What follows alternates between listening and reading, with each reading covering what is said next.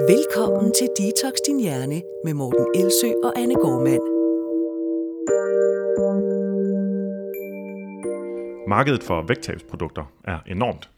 Internettet flyder med kosttilskud med alverdens mere eller mindre eksotiske ingredienser, der påstås at kunne gøre det nemt at tabe sig og holde vægten.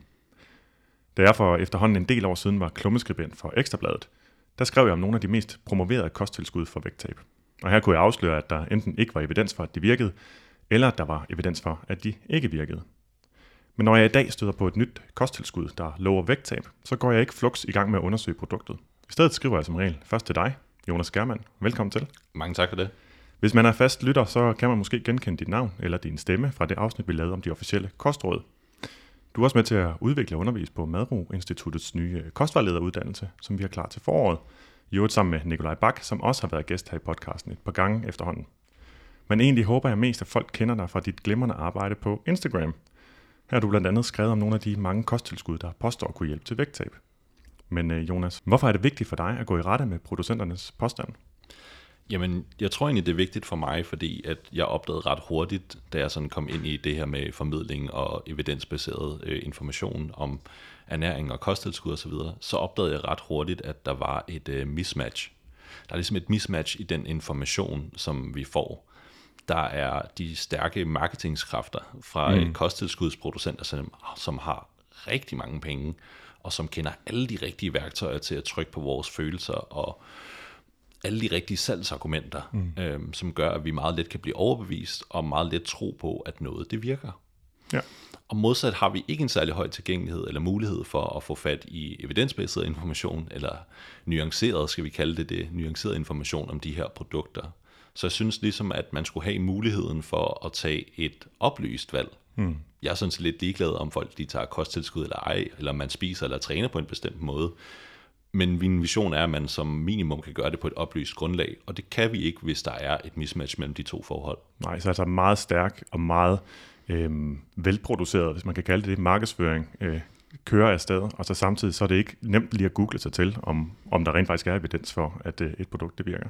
Præcis, de fylder simpelthen så meget, de her øh, kosttilskudsproducenter, og har masser af artikler også om forskellige emner, så det kan være rigtig svært at navigere i. Selv med en Google-søgning vil man få ofte meget modstridende svar. Ja, og vi ved jo, vi har så gjort lidt mere end en Google-søgning til øh, dagens podcast i dag. Jeg vil tro, vi har lavet ej, jeg tør ikke sige, hvor mange timers øh, forberedelsestid, der har været, både sådan direkte og indirekte til det her, men i hvert fald rigtig, rigtig mange. Så det tager rigtig lang tid, også for fagfolk at gøre.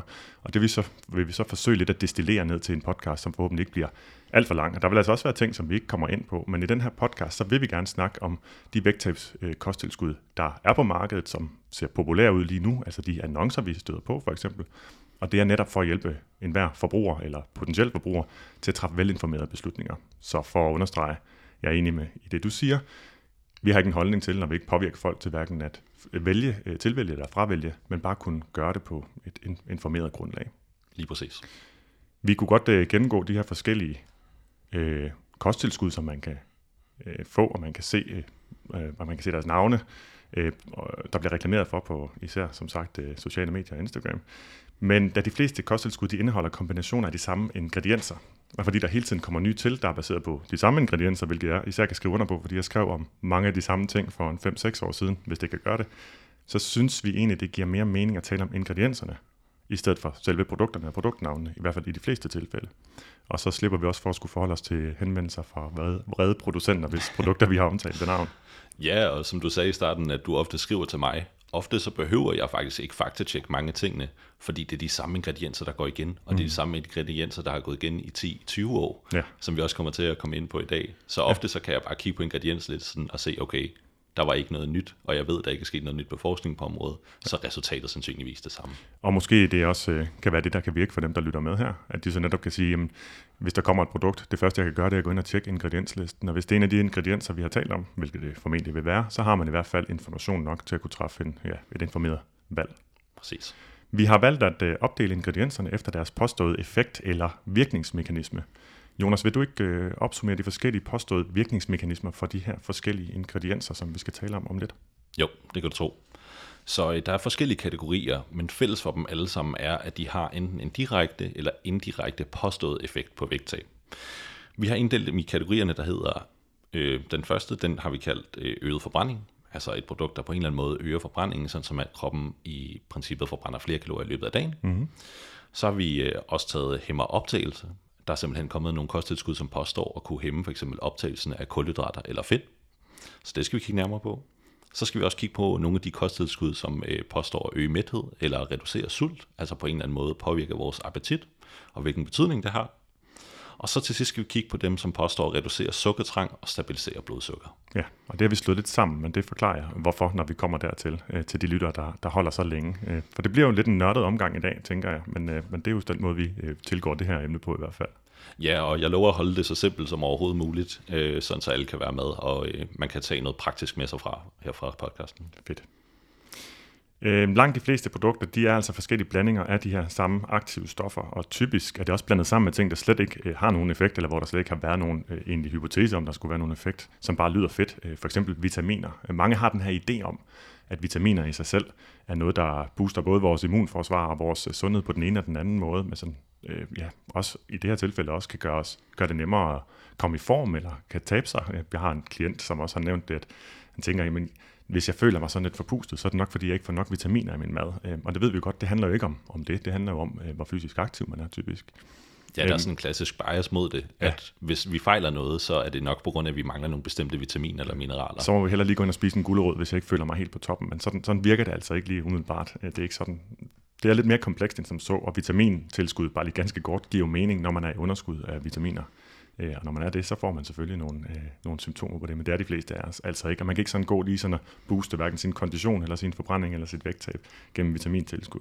Så har vi lige været kort omkring dem, men lad os egentlig øh, øh, gå videre til at tale om de forskellige kategorier. Øh, og lad os starte med den første, og nok også den største kategori, øh, dem der påstås at kunne øge din forbrænding. Ja, og øh, det kender vi primært som det, der hedder fat burners, eller fedtforbrændere. Det er nogle kosttilskud, som typisk er nogle piller, man tager, og øh, den ligesom påståede mekanisme bag, måden som de ligesom skulle virke på, det skulle enten være ved, at igen som jeg snakker om, at de enten sænker appetitten, øh, øger følelsen af mæthed, som så vil gøre, at man reducerer sit kalorieindtag, altså fordi at ens appetit er påvirket. Den anden mekanisme, som ofte bliver påstået omkring det her, det er det med øget forbrænding. Altså simpelthen øget forbrænding fra fedtcellerne, øh, eller reduceret læring af fedt, på en eller anden måde, en eller anden mekanisme. Det er lidt forskelligt, hvordan de formulerer det, men noget, som gør, at man forbrænder flere kalorier eller mere fedt end normalt. Og øh, vi starter med at kigge nærmere på selve det med forbrændingen, og så vender vi tilbage til det med, med appetitten. Mm. Fordi at begge elementer er egentlig i en fedtforbrænder, øh, eller sådan en fatburner her, med ofte, og nogle gange så er det begge dele, nogle gange så er det enten eller, det er lidt forskelligt. Så vi starter med at kigge på forbrændingsdelen. Ja. Vi starter helt klassisk ud med at øh, kigge på koffein. For koffein er nok den mest primære ingrediens, vi finder i de her fedtforbrændere. Vi finder det i næsten samtlige og i meget forskellige doser. Okay. Så vi starter med at tage et kig på, virker det så rent faktisk? Hvis vi kigger på koffein alene, eftersom det er den primære ingrediens, jamen har det så en effekt på vægttab? Og øh, hvis man kigger bare umiddelbart på det, så øh, kan vi starte med at kigge på en metaanalyse fra 2019, og måske vi lige kort skal oprise, hvad en uh, meta-analyse er, Morten. Hvis ja, du, uh... gerne. Altså meta-analyse, det er, betyder bare en analyse af, en, af analyser. Det vil altså sige, og, og her en analyse skal forstås som et studie. Så du har lavet en masse forskellige studier. Det er ikke de samme forskningssteder, der nødvendigvis har gjort det, det er det sjældent. Og så kigger man på, jamen hvad siger de samlet set? Og det gør man for at frasortere øh, at øh, der kan være et eller andet outlier-resultat øh, i et studie. Og så siger vi, vi kigger lige på, hvad viser de andre studier. Det er egentlig en god måde generelt at tænke på, hvis man støder på et studie om noget som helst nogensinde. Så siger jeg skal lige undersøge, hvad de andre studier viser. En metaanalyse er så en, hvor man ligesom har lagt resultaterne sammen for matematisk at udlede, er der egentlig en effekt gennemsnitligt set, når vi, når vi sammenligner de forskellige.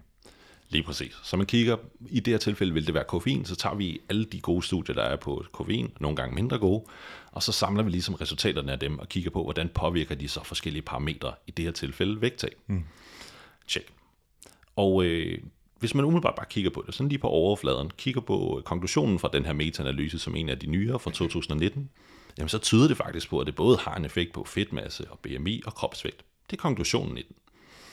Og det er faktisk første pointe her, som jeg godt kunne tænke mig at give, det er jo, mm. at det er meget interessant, at hvis vi bare kigger på den her overfladen, så vil et kosttilskudsfirma nemt kunne bruge den til at sige, jamen se her, der er en effekt af vores fedtforbrænder, Det viser den her metaanalyse. Mm. Og går man ind endda bare kigger på studiet, jamen, så vil man se det samme. Og det er fordi, de siger, at vi har koffein i, og det her studie viser, eller den her metaanalyse viser, at koffein har den effekt.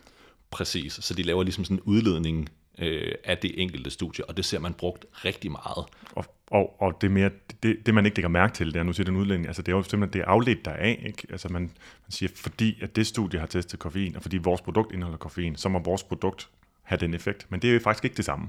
Det er nemlig ikke det samme. For dykker man lidt ned i det, i den her metaanalyse, og det har jeg øh, gjort for jeres skyld, så... Øh, tak for det. ja, så øh, ser det ikke helt ud, som om at koffein faktisk har den effekt, som vi har troet. Fordi når man kigger på studierne, så er der blandt andet en masse af studierne, hvor at man også indtager efedrin. Ja, og efedrin, altså samtidig med koffein. Samtidig med koffeinen. Og efedrin, det er et ulovligt stof i Danmark. Det må man ikke indtage, fordi at det blandt andet fører til forhøjet blodtryk og øh, havde nogle påvirkninger på, på hjerterytmen. Det må man godt nogle steder i USA, så derfor har man selvfølgelig testet det i. Så det er ligesom første grund til, at vi kan sige, okay, måske er resultaterne ikke så relevante for os, som vi første gang troede. Så hvis vi kigger på doserne, jamen fem af studierne, de har over 400 mg koffein. Og sikkerhedsgrænsen for, hvad vi ligesom siger, hvad er tolerabelt i Danmark, hvad kan vi ligesom sådan med sikkerhed tåle, jamen det er cirka 400 mg koffein om dagen. Men mange af de her studier har langt over den dose. Der var for eksempel en af dem, der havde helt op til 720 mg koffein i, hmm. og det er rigtig meget koffein. Og vil man forvente en mærkbar fysiologisk effekt, hvis man, hvis man er deroppe omkring, tænker du? Altså vil man kunne, kunne mærke det på sig selv, hvis man får den mængde koffein? Det vil man helt klart. Man vil helt klart sandsynligvis ryste, øh, få det rigtig varmt. Øh, ens hoved kører nok med 120 km i timen. Ja, og der kan man så tale om, der kan man mærke en øget forbrænding, ja. hvis, man, hvis man går og ryster og, og, og har det varmt. Ikke? Ja, og den vender vi faktisk tilbage til, når vi skal kigge nærmere på Chile. Så snakker vi lidt mere om, hvordan kan man faktisk mærke en øget forbrænding. Men i hvert fald, de her doser, de er langt over, hvad vi normalt får. Og hvis man skal bruge en referenceramme, fordi ellers er milligram, det er sådan lidt, okay, hvad er 100 milligram?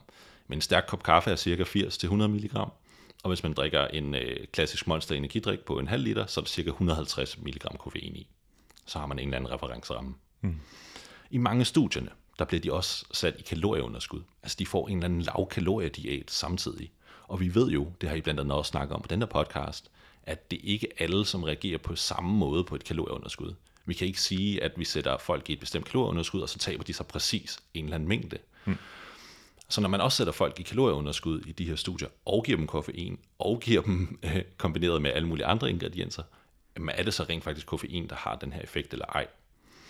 Det vil jeg i hvert fald så tvivl om, og det er en af de største udfordringer, der også er med den forskning lige nu. Det er, at de her ingredienser, de meget sjældent undersøges alene de undersøges ofte sammen med alt muligt andet, og det betyder, at vi kan have svært ved at udlede, var det koffeinen, der havde effekten? Mm. Var det den diæt, de var på? Var det fordi, der også var efedrin i studiet? Var det fordi, at doserne var langt højere, end vi normalt vil indtage, og hvad der vil være lovligt at indtage øh, i Danmark? Ja, og hvis vi kommer op på den øh, dosis, som har nogle andre effekter, så vil man også typisk kalde dem bivirkninger. Og det er så også værd at, at, at have med en mente. Øhm, vil man kunne gøre det øh, så længe, og hvor lang tid vil effekten så i så fald også være? For man ved også, at der er en øh, koffeintilvænding helt generelt på alle mulige andre effekter, man får af koffein. Der til, vender vi os relativt hurtigt til det. Jeg ved ikke, hvordan det så fungerer med, med, med det som kosttilskud i forhold til at øge forbrænding. Det tyder på, at det er meget det samme. Der er den her tilpasningseffekt. Jeg har taget et konkret studie med, mm. fordi jeg tænker stadigvæk, man sidder og tænker, okay, der er en effekt på vægttab, måske, måske ikke, så hvad, hvad er så tallene? Lad os få nogle tal på, ikke? Læsken på disken. Et studie fra 2012, der satte man folk til at indtage 5 kopper kaffe om dagen. Det var noget instant kaffe, så det var ikke så stærkt. Så det svarede til cirka 220 mg koffein om dagen. Så vi kan sige, det er en nogenlunde realistisk dose. Det vil de mange voksne mennesker indtage i løbet af en dag. Mm. Det gjorde de i fire måneder, og der tabte de i gennemsnit 1,1 kilo. Så det er lige under 300 gram per måned, de har tabt ekstra end dem, som ikke indtog de 5 kopper kaffe om dagen. Så måske koffein har en lille effekt på kropsvægt, men når vi er nede i, i så få gram, og øh, det skal ikke lyde som om, at jeg øh, prøver at udskamme nogen, som taber sig i den øh, hvad kan man sige, i den mængde. En størrelsesorden der. Ja, i den størrelsesorden, præcis. Men når vi snakker kosttilskud og en markant effekt, så skal vi op på en vis mængde, før vi kan sige med sikkerhed, okay, det her det er noget, som vi kan sige har en relevant effekt. Mm. Det var ikke bare en tilfældighed. Og man kan vel heller ikke udlede af den intervention, hvorvidt det var koffein, der havde den effekt. Fordi her har man serveret kaffe, der jo indeholder hundredvis af forskellige stoffer for det første. Og hvad var placebo? Hvad var kontrollen i det forsøg? Ved du det? Ja, det var bare øh, øh, kaffe uden koffein. Og du kaffe uden koffein. Ja, Ja, Jamen, så er det jo så faktisk muligt at se, om det var koffein, der, der gjorde forskellen der. Ja, Præcis. det ville jeg nemlig have foreslået. Øh, så jeg er klar til at designe et, et, et studie, men det har de så gjort. Det var da altid noget. Ja, så øh, ordnet set konklusion, den primære effekt, eller undskyld, den primære ingrediens i fedtforbrændere, tvivlsom effekt. Jeg vil være skeptisk over for det igen, når vi ikke engang kan se en særlig stor effekt på en stor metaanalyse, hvor vi har meget stærke stoffer i, som, som efedrin, og meget, meget høje doser i forhold til, hvad vi normalt vil indtage. Så det er usandsynligt, at det vil have en markant effekt på vægttab i hvert fald. Så den er sådan lidt mulig, men formentlig ikke en særlig stor effekt. Ja, Okay. så øh, hopper vi lidt videre. For en af de andre ingredienser, vi blandt andet også ser i de her fedtforbrændere, det er næsten altid chili, cayennepeber eller nogle varianter deraf. Og det er jo logisk nok. Vi har sikkert alle sammen prøvet at spise noget meget stærk mad, øh, og så har man oplevet det her med, at man sådan sidder og sveder. Øh, nogle begynder endda at ryste eller få det meget varmt, øh, alt efter hvor stærk mad man har spist. Altså, jeg sidder bare og græder, men, ja. men det ved jeg ikke, om det øger forbrændingen også. Men det må det jo gøre en lille smule. Ja, altså alle, alle processer i kroppen er jo energikrævende, altså kræver noget kalorieforbrænding, så ja. det vil de jo i teorien gøre, ikke? Men øh, det er faktisk det, man oplever der, og som jeg sagde tidligere, jamen det er faktisk din øgede forbrænding, du oplever der. Mm. Det er din krop, der får det varmere, det er dig, der øh, sveder, de processer koster noget energi. Og hvor meget betyder det så rent faktisk? Mm. Det er jo det interessante for os her, ikke? Jamen, når man kigger på studierne, hvor meget bliver forbrændingen øget? Det har man faktisk undersøgt med chili. Man har sat deltagere til at spise chili, og så kigget på og målt deres øh, forbrænding. Og øh, det ene studie, jeg læste, der viste sig at være 10 kalorier over 4,5 time. Altså 10 kalorier ekstra, end hvis de ikke havde indtaget chili over de 4,5 timer. Andre studier viser lidt mere. Der kan vi se omkring 40-80 kalorier øh, per dag efter en øh, måneds tid. Når man har indtaget det, så kan vi se, okay, så har de forbrændt det cirka ekstra om dagen. Men det lyder jo egentlig godt nok. Altså spare de kalorier, hvis man kunne, det lyder jo godt. Problemet er bare, at i studierne er der ikke nogen ændringer i kropsvægt. Der er ikke nogen, der taber sig af det her. Så selvom at den øgede forbrænding er der, så er der rigtig meget, der tyder på, især i forskningen, at kroppen den kompenserer. Mm. Og det har vi jo set i mange øh, tilfælde af ernæringsforskning og øh, også motion for den sags skyld, hvor vi kan se, at hvis man dyrker meget motion, jamen så vil kroppen kompensere for rigtig meget af det, mm. ved at man bliver tilsvarende mere sulten. Ja, og der er jo både den fysiologiske kompensation, som du er inde på der, vi kan mærke, at man bliver mere sulten, øh, for eksempel, eller man øh, jeg har andre årsager til, at man ligesom bliver drevet hen imod at spise noget. Og så er der også de psykologiske effekter, dem skal vi ikke sådan gennemgå nu, men altså, jeg tror, de fleste de kender følelsen af, at man føler, at man har fortjent et eller andet, når man har gjort noget, som man synes var en pligt, eller man har gjort noget, især netop, når man gør noget for at forbrænde færre kalorier, eller for at, øh, undskyld, forbrænde flere kalorier, eller for at tabe sig, så har man også en meget større øh, tendens til at ville kompensere for det bagefter, til at ville give sig selv et eller andet. Øh, det er selvfølgelig nok ikke øh, relevant her, men her gør det nok en forskel, at øh, den ekstra forbrænding, det er så meget, det er så lidt, Ja. at det er enormt, altså hvis vi siger 10 kalorier, så er det en Piratos for eksempel. Jeg ved ikke, hvorfor det lige var den, jeg havde i, hovedet, men det er sådan cirka deromkring. Ikke? Så det er enormt nemt at, at øh, ja, kompensere for det også ubevidst. Ja, præcis. Der skal ikke så meget til. Øh, Det, det er virkelig ikke særlig meget, selvom det kan lyde som, okay, jamen det håber sig vel op over tid og så videre. Hvis det gjorde det, så ville vi sandsynligvis kunne se det i studierne mere tydeligt. Og det er nok også derfor, at når vi kigger på en metaanalyse 2018, som gennemgik effekten af, af chili og øh, cayennepeber, det er ikke præcis det, man har gennem, øh, undersøgt her. Det, man har undersøgt, det er capsaicin, som er et stof i, som vi er ret sikre på, at det som er drivfaktoren bag det her. Eller Det er også det, der capsaicin. gør, at det er stærkt. Ja, det er ja. det, der nemlig det, der gør, at det er stærkt. Og det er det, der går igen i de her, blandt andet cayennepeber og i chili, og til, at man har undersøgt det. Der kan vi se, at der ikke er en særlig stor effekt på øh, vægt. Øhm, og selvom der er en lille effekt på vægt, så kan vi ikke se nogen effekt på fedtprocent. Altså fedtmassen i kroppen bliver simpelthen ikke mindre, selvom folk de taber sig. Og når det sker, så øh, er der to ting, der kan være scenarier. Der kan være flere scenarier, men den ene ting er, at øh, det simpelthen bare er en tilfældighed i vægt. Vi ved jo, at ens vægt den fluktuerer naturligt i løbet af, af dagen, øh, og over en periode kan den også falde helt naturligt. Mindre væske, afføring i tarmene osv., der kan være mange ting, som påvirker det. Den anden ting kan være, at det simpelthen bare ikke virker stærkt nok. Altså, det simpelthen ikke er kraftigt nok til det, til at vi kan se den her effekt. Så man kan så godt have et stof, som har en reel mekanisme og har en reel effekt på, øh, på nogle af de øh, ja, ting i kroppen, som påvirker vores forbrænding, og faktisk også målbart øger den, men hvor det er så lidt, så det simpelthen bare ikke gør nogen forskel for, for fedtmassen over tid. Ja, og måske det er bare tilfældigt. Man gør mange ting i de her metaanalyser for at udelukke, at det er tilfældigt. Ja. Og øh, det, jeg kan ikke sige, at det er tilfældigt eller ej, det kan man aldrig sige, men når det er så små mængder, og når der sker sådan nogle ting, som at folk de taber sig, men der ikke ændres fedtmassen, så giver det i hvert fald grund til at være skeptisk omkring det. Ja, og man kan sige, at en metaanalyse, den består af en analyse af analyser, og det betyder, at de, den, dens kvalitet og det resultat, den kommer ud med, øhm, påvirkes også af kvaliteten af de studier, som er blevet lagt ind i det. Så mens at metaanalysen matematisk og statistisk kan beregne nogle ting øh, for, hvor sandsynligt det er, at det her det er en reel effekt og ikke en tilfældighed, så afhænger det så af, at de oprindelige analyser er lavet øh, godt nok, og der ikke lige er blevet rundet op et eneste sted øh, rundt omkring. Ikke? Der skal ikke så meget til.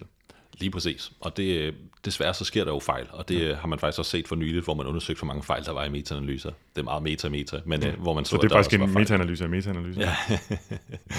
og der så man, at der var fejl i rigtig mange af dem faktisk. Ja.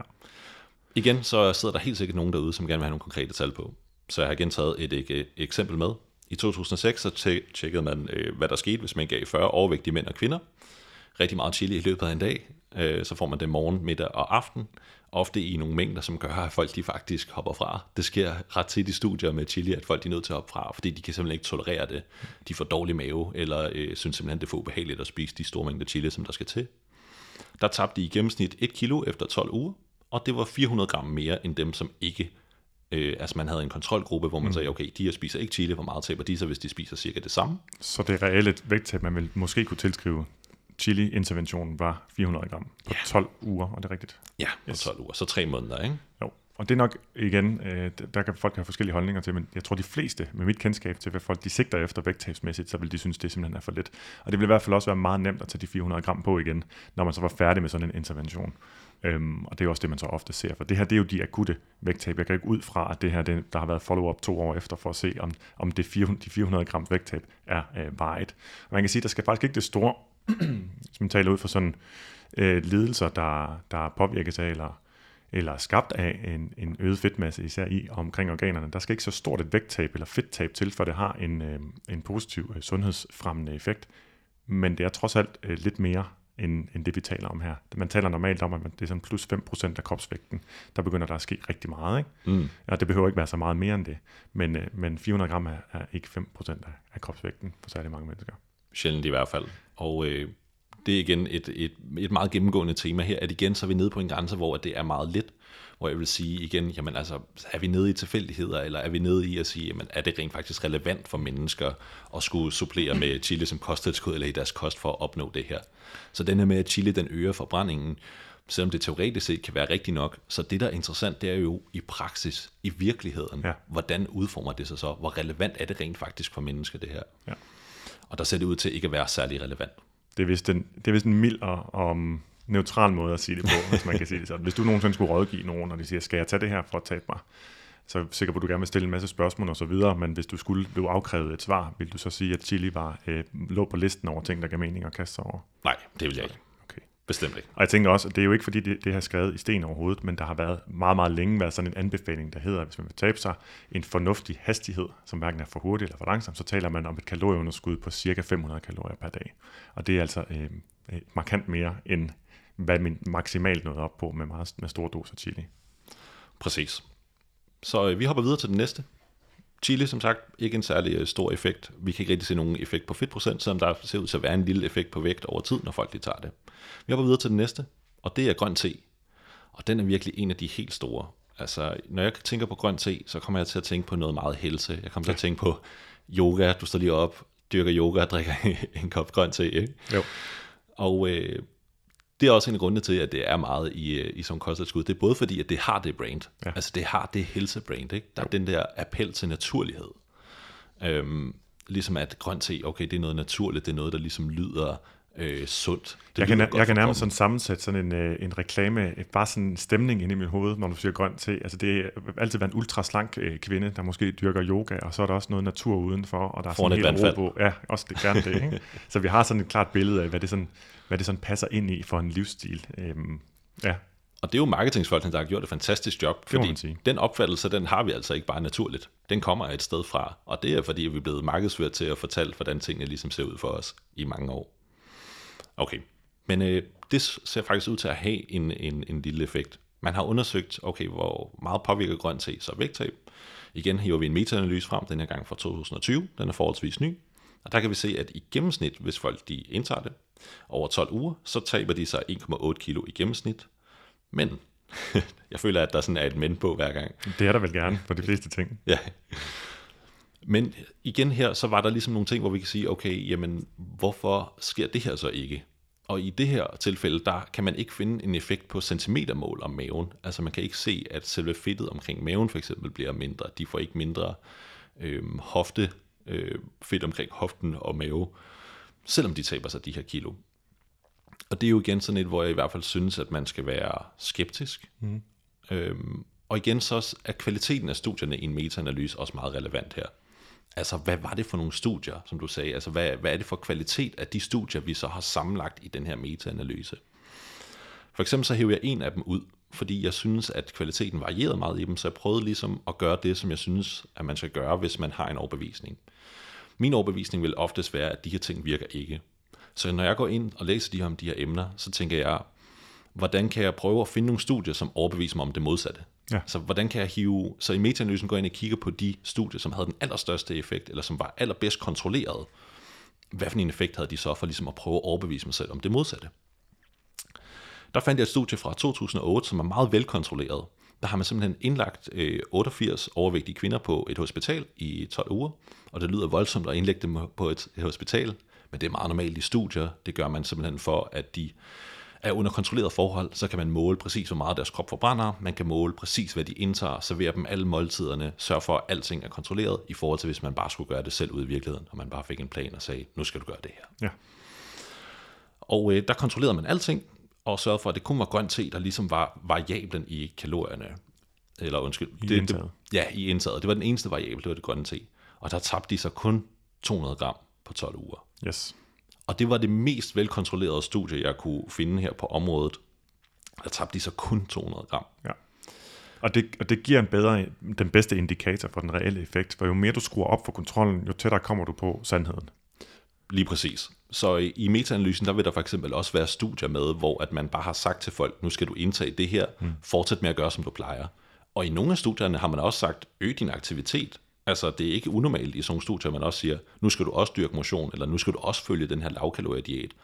Og det farver jo resultatet. Det må man sige. Og, og især når vi så også taler om, at, at det man jo netop leder efter, det som jo netop er den øh, bagvedliggende idé, når man kigger på kosttilskud, det er jo, at jeg skal ikke gøre noget for at ændre min livsstil. Jeg skal faktisk bare tage det her kosttilskud. Og det bliver der også reklameret med direkte. Du behøver ikke at træne for at tabe dig, du kan bare tage det her kosttilskud, er, er noget, som tit er blevet, blevet postuleret. Ikke?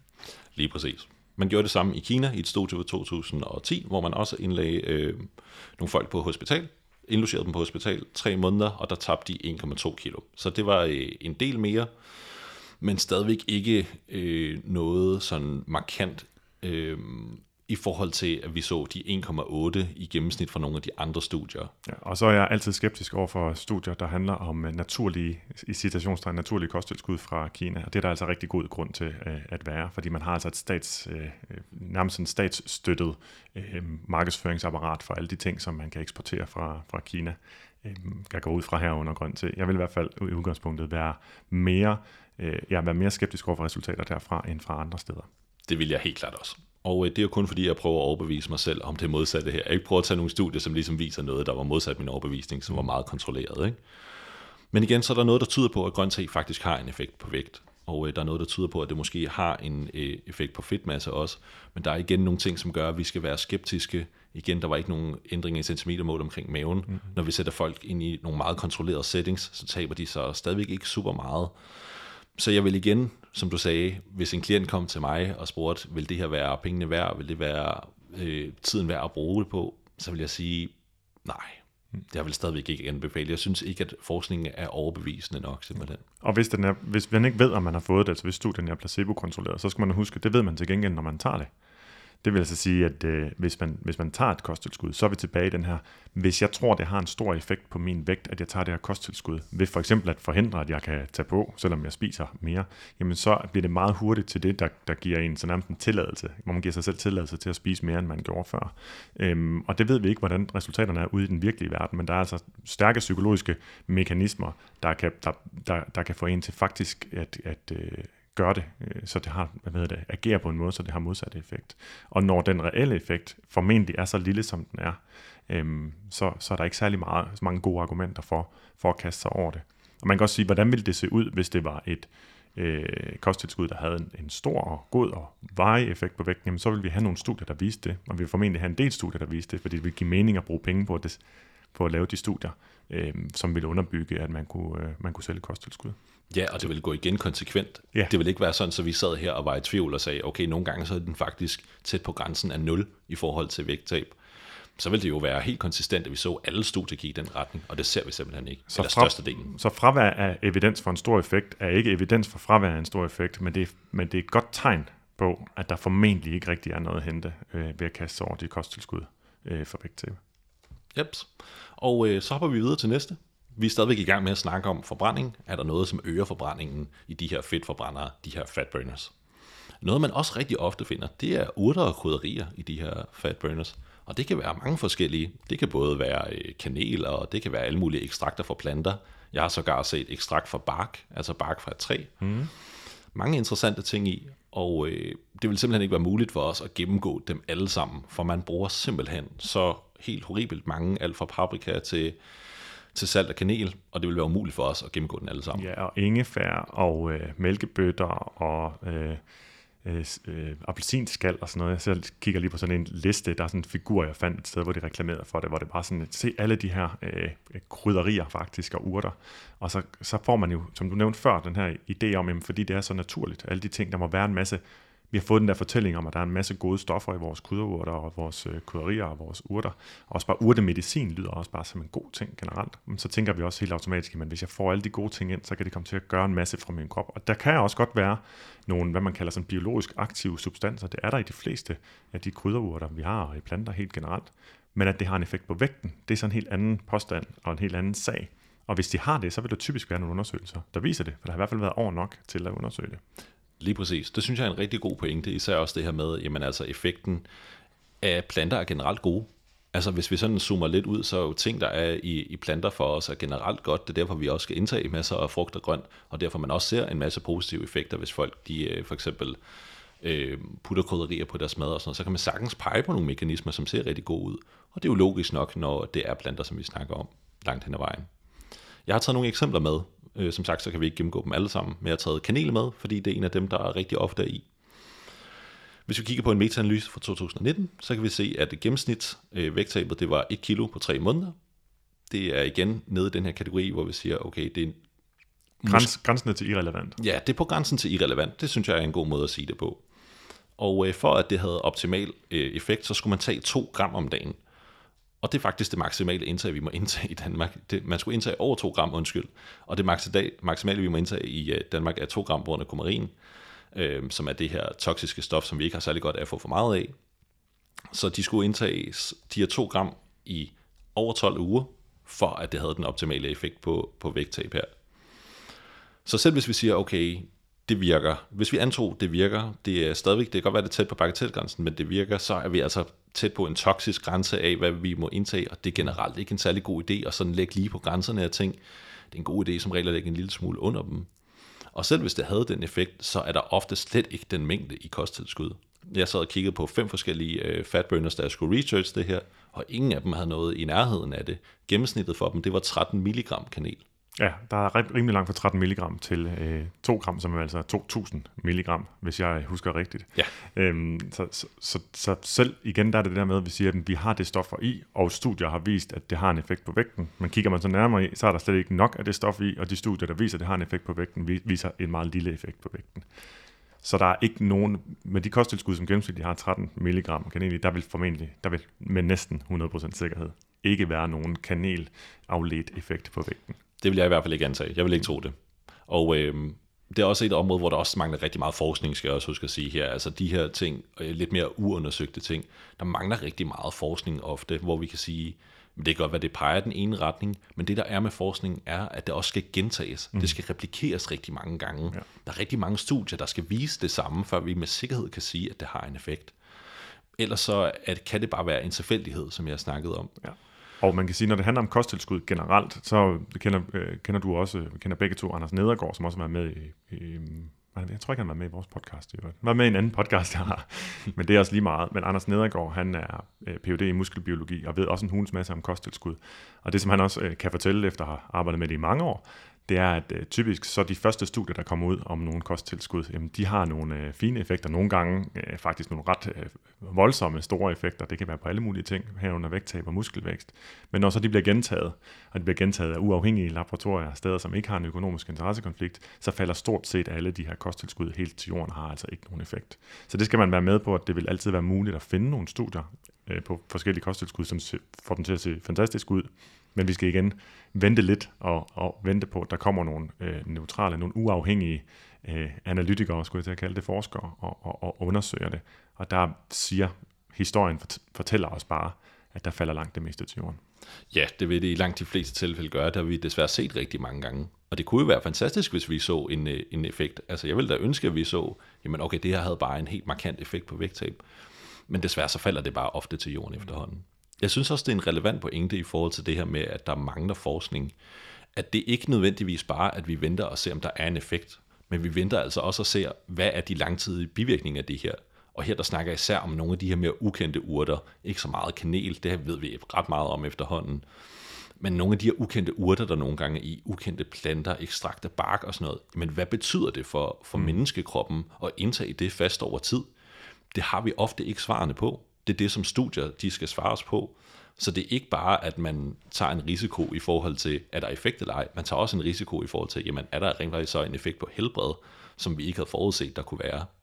Ja. Og der kan vi have den her idé om, at hvis noget det bare er naturligt, så kan det ikke være farligt for os. Og det, det er simpelthen noget vrøvl, som vi har fået indlært, fordi der har været så mange, der har pushet den her sådan naturligheds, øh, at det her naturlighedsargument, som netop er, alt, der er naturligt, er godt, og alt, der er unaturligt, er skidt. Øh, der er masser af ting i naturen, der kan slå os ihjel, og naturen har alle dage prøvet på at slå os ihjel. Det er derfor, vi forsøger at beskytte os selv ved at sidde inden, inden døre i øvrigt lige nu, øh, og passe på os selv, fordi der trives vi altså bedre, eller er vi mindre i fare. Så der er masser af giftige stoffer også i naturen. Masser af naturlige stoffer, som man kan købe og få, som også er giftige. Og det er faktisk sådan, at det gælder for alle de naturlige stoffer, man kan få, at de er giftige ved en vis dosis, ligesom det gælder for alle andre stoffer. Lige præcis, og øh, det er jo meget den samme, ligesom det her med, at jamen, det her har man brugt øh, i tusind år til i kine, kinesisk medicin. Mm. Det ser man rigtig ofte med nogle af de her urter. Så der er en appel til, at jamen, man har brugt det tusind år i øh, kinesisk medicin, derfor må det være godt, eller ja. derfor må det være virksomt. Og det er simpelthen ikke rigtigt. Det er ikke en måde, hvorpå vi logisk kan udelukke, hvorvidt at det er virksomt eller ej, fordi man har brugt det i tusind år. Der var også en gang, hvor man ikke vaskede hænder. Det gjorde man, fordi man ikke vidste bedre. Det gjorde man også i tusind år. ja, det gjorde man også i tusind år. Ja. og det, det er ikke et godt argument for, at Nej. så skulle vi lade være med at vaske hænder. Nej, vi har masser af eksempler på, at man gennem historien har gjort rigtig mange ting, og været overbevist om, at det, det var godt eller sandt, øh, hvor det så har vist sig, at det passer overhovedet ikke. Så den her appel til gammel visdom, det er også det, som man kalder sådan en, en klassisk øh, uformel logisk fejlslutning, for lige at folde det helt ud netop, altså, at, at der er ikke nogen logisk sammenhæng med, at fordi man har gjort noget, at så øh, er det en god idé at fortsætte, eller det i sig selv er evidens for, at det har nogen effekt. Det er typisk bare evidens for, at folk er overbeviste om, at det har en effekt, eller nogen øh, gerne vil holde fast i, at det skal have en effekt. Ja, lige præcis. Okay, så har jeg også taget peber med som eksempel, fordi det er også noget, som ofte bliver brugt. Øhm, og det bliver brugt lidt øh, forskellige øh, varianter. Øhm, ofte så er det bare ekstrakt af sort peber, men man ser det i lidt forskellige varianter. Og øh, der kunne jeg simpelthen ikke finde noget godt på øh, mennesker. Der er simpelthen næsten kun dyrestudier, og øh, dyrestudier fortæller os ikke særlig meget om, hvordan det øh, fungerer hos mennesker. Der mangler simpelthen nogle, nogle, nogle langvarige og kontrollerede studier, før vi overhovedet kan sige, og før jeg overhovedet vil have det godt med at sige, jamen har det her en effekt eller ej. Det synes jeg simpelthen slet ikke, man kan sige. Nej. Og det, det er øh, en, en, man kan sige en god pointe i sig selv, at dyrestudier, de kan kun give anledning til, at vi kan lave en hypotese om, hvordan det vil virke i mennesker, og hvilken effekt, men det kan ikke lave, øh, føre til konklusioner om, hvordan det vil være i mennesker. Det ser man ellers rigtig tit, at folk de argumenterer med øh, studier i mus viser, så derfor så skal du spise sådan, men det kan man altså aldrig gøre, ikke hoppe fra, fra A til B på den måde. Præcis. Ofte så ser vi jo faktisk det modsatte, at noget ser lovende ud hos dyr, og så når vi selv begynder at teste hos mennesker, så falder det til jorden. Ja, det, det er mere tendensen. Ja, det er ja. faktisk ofte tendensen. Der er et review fra 2020 i øvrigt, øh, der, der øh, undersøger, om der er evidens for, for, øh, for urtemedicin, og det skulle have en effekt på vægten. Og der siger de altså, at alle de ting, de har undersøgt, der er simpelthen ikke det, de kalder sufficient, eller tilstrækkelig evidens for det. Og det er også igen ikke kun ud fra at kigge på, hvad der er af evidens, eller hvad studierne viser, men også kvaliteten af dem. Og hvis der er masser af studier, der peger i en retning, men kvaliteten af studierne alle sammen er dårlige, så vil sige, så er der altså ikke evidens for det. Evidens for, at det har en effekt, kræver, at studierne er veludført nok til, at vi kan udlede noget derfra, og ikke bare sige, at måske peger det i en eller anden retning. Og der bliver desværre lavet alt for meget, alt for dårlig forskning. Det kunne være bedre med en tiende del, men som var godt i stedet for. Ja, og øh, ud over det, så er det jo også stadigvæk tilfældet, at der er det her, som vi kalder publication bias. Og det betyder basalt set, at studier, som viser en effekt på noget, altså ikke bare, at det, nå, men det havde ikke nogen effekt, men noget, der viser, at det rent faktisk havde effekt på noget, de har større tendens til at blive omtalt, og de har større tendens til at komme i tidsskrifter, ja. i videnskabelige tidsskrifter.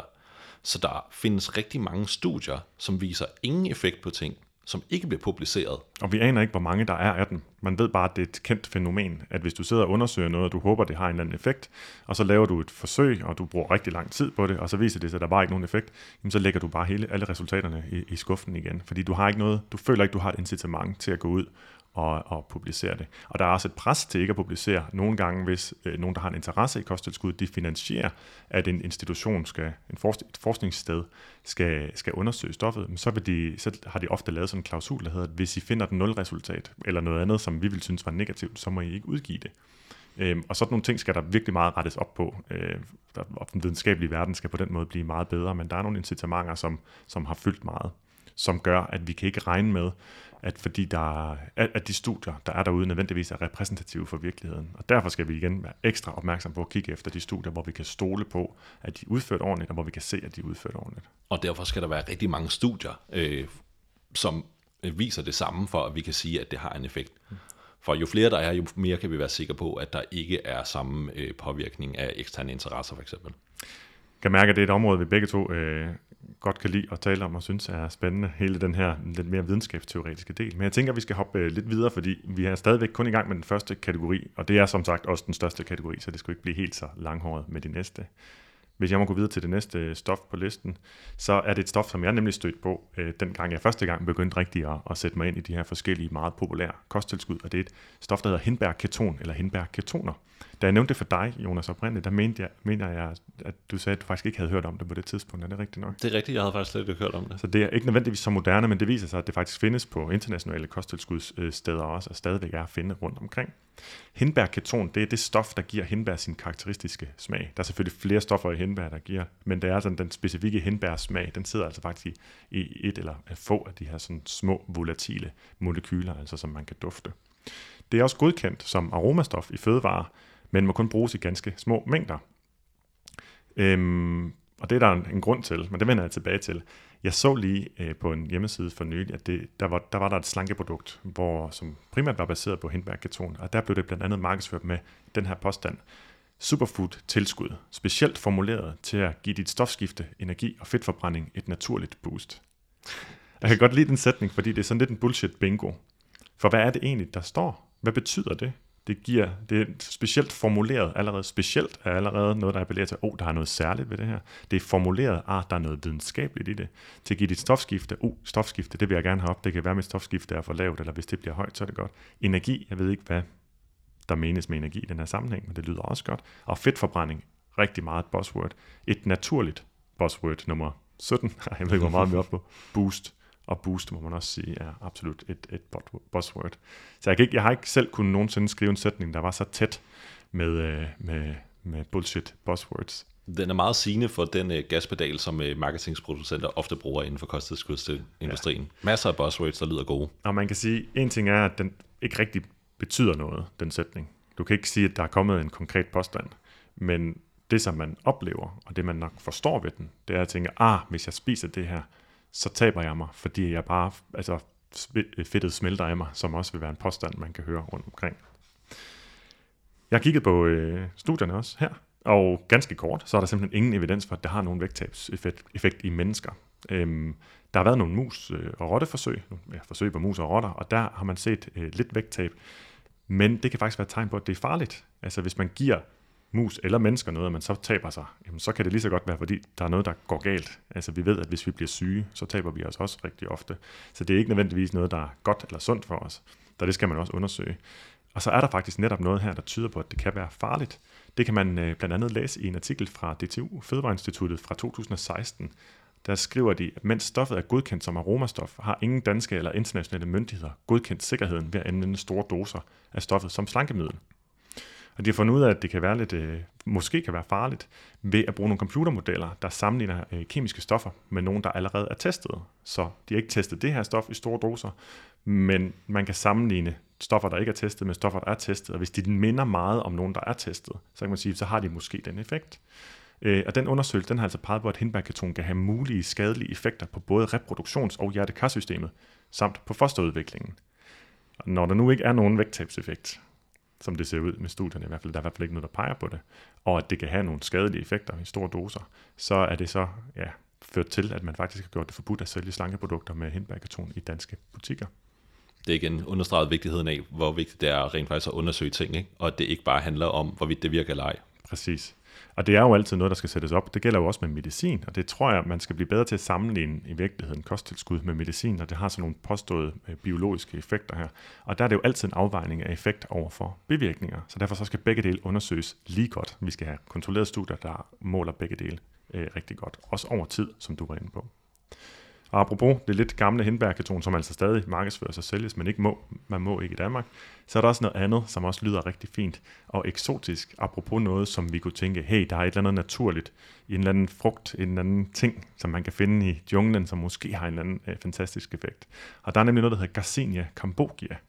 Og det er egentlig navnet på planten, eller det træ, som en frugt, øh, der ligner sådan et lille græskar, og sådan en lysegrøn farvet græskar, der hænger på, på det her træ, som der er en, øh, den har en skal, ligesom alle mulige andre frugter har, og i den skal, der er der et stof, der hedder hydroxycitronsyre, der sidder i ja, frugtens øh, skal, og det var det, der var i bonesepillen. Og det var også lidt før din tid, Jonas. Jeg blev jo 36 for nylig, men du er jo en smule yngre end mig. Ja.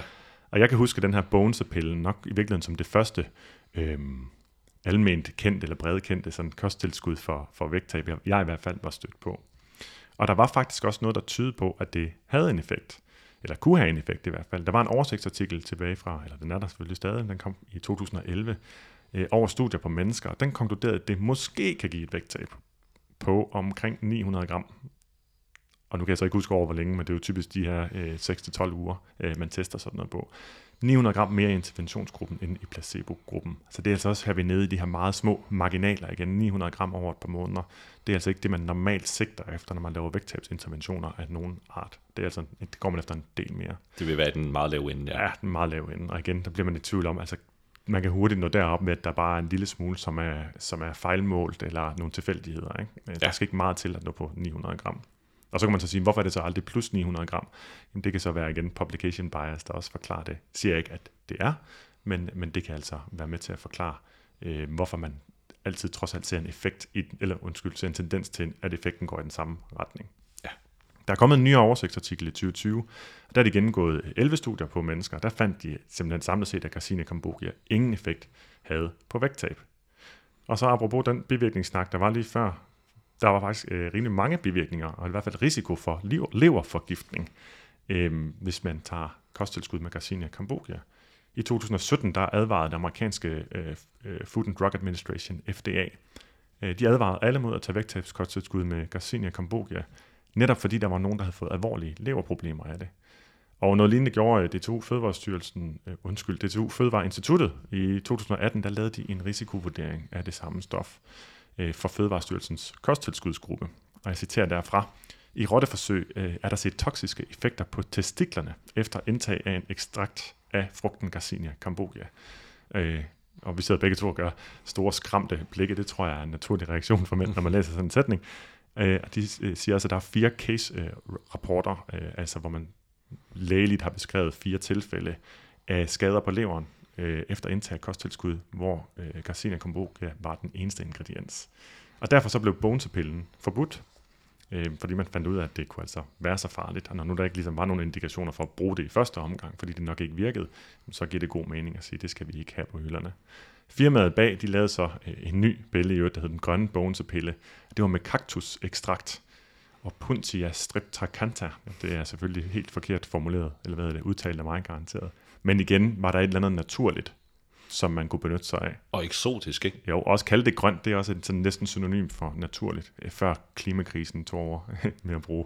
Og noget, jeg også synes er relevant her, det er jo, at det er noget, der er på markedet. Mm. Altså det her er ikke noget, der var i gang med at blive undersøgt. Det var piller, som var på markedet, som man kunne købe. Og det er igen tilbage til det med, at man skal ikke bare købe noget med tilfældige ingredienser. Nej, der, der er nogle gange øh, lidt lag i forhold til at finde ud af, hvor, hvor farligt noget i princippet kan være. Nå, men her vil producenten så ikke love noget om vægttab længere, og måske er det derfor, at øh, firmaet bag Ponsepillen gik konkurs i 2009, fandt jeg så også ud af. Ja, jeg har været, jeg har været vidt omkring, ligesom du har i undersøgelsen til den her podcast. Øhm, og så er der et, øh, en ting mere, der ligger lige bolden over til dig, øh, nemlig med det næste, som vi har kigget på i forbindelse med øh, påstanden om øget forbrænding, nemlig MCT-olie. Ja, det er jo blevet meget populært. Det har virkelig haft en, en stigende popularitet. Og der er påstået rigtig mange effekter til. Og det, som vi er interesseret i at kigge på i dag, det er jo stadigvæk det her øget forbrænding og vægttab. Så hvordan ser det ud for MCT-olie? Så først og fremmest så MCT-olie det er en type fedt, som man finder i kokosnødder og palmeolie.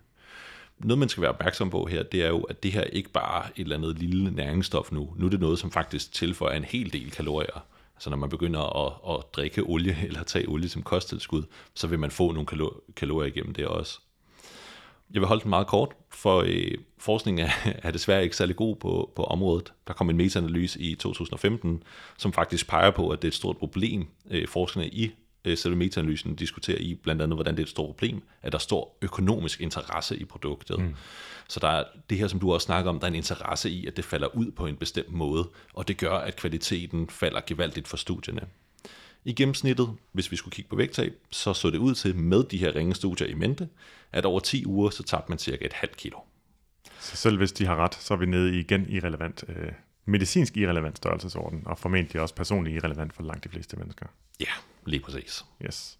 Så øh, faldt jeg også over en ting, en mere om, jeg vil sige, selvom vi har mange med i dag, så er der altså også mange øh, flere, som vi kunne have taget med øhm, men som vi ikke når. Øh, men jeg faldt over en, der hedder bitter appelsin, fordi den dukkede op også ret, rigtig mange steder. Jeg af en eller anden grund falder altid over dem, som er sådan lidt mere eksotiske. Jeg synes, det er sjovt, fordi jeg tror virkelig, jeg tror virkelig der er mange, der, der, der selvfølgelig håbet er lysegrønt, og man vil gerne, og så er man lidt mindre kritisk.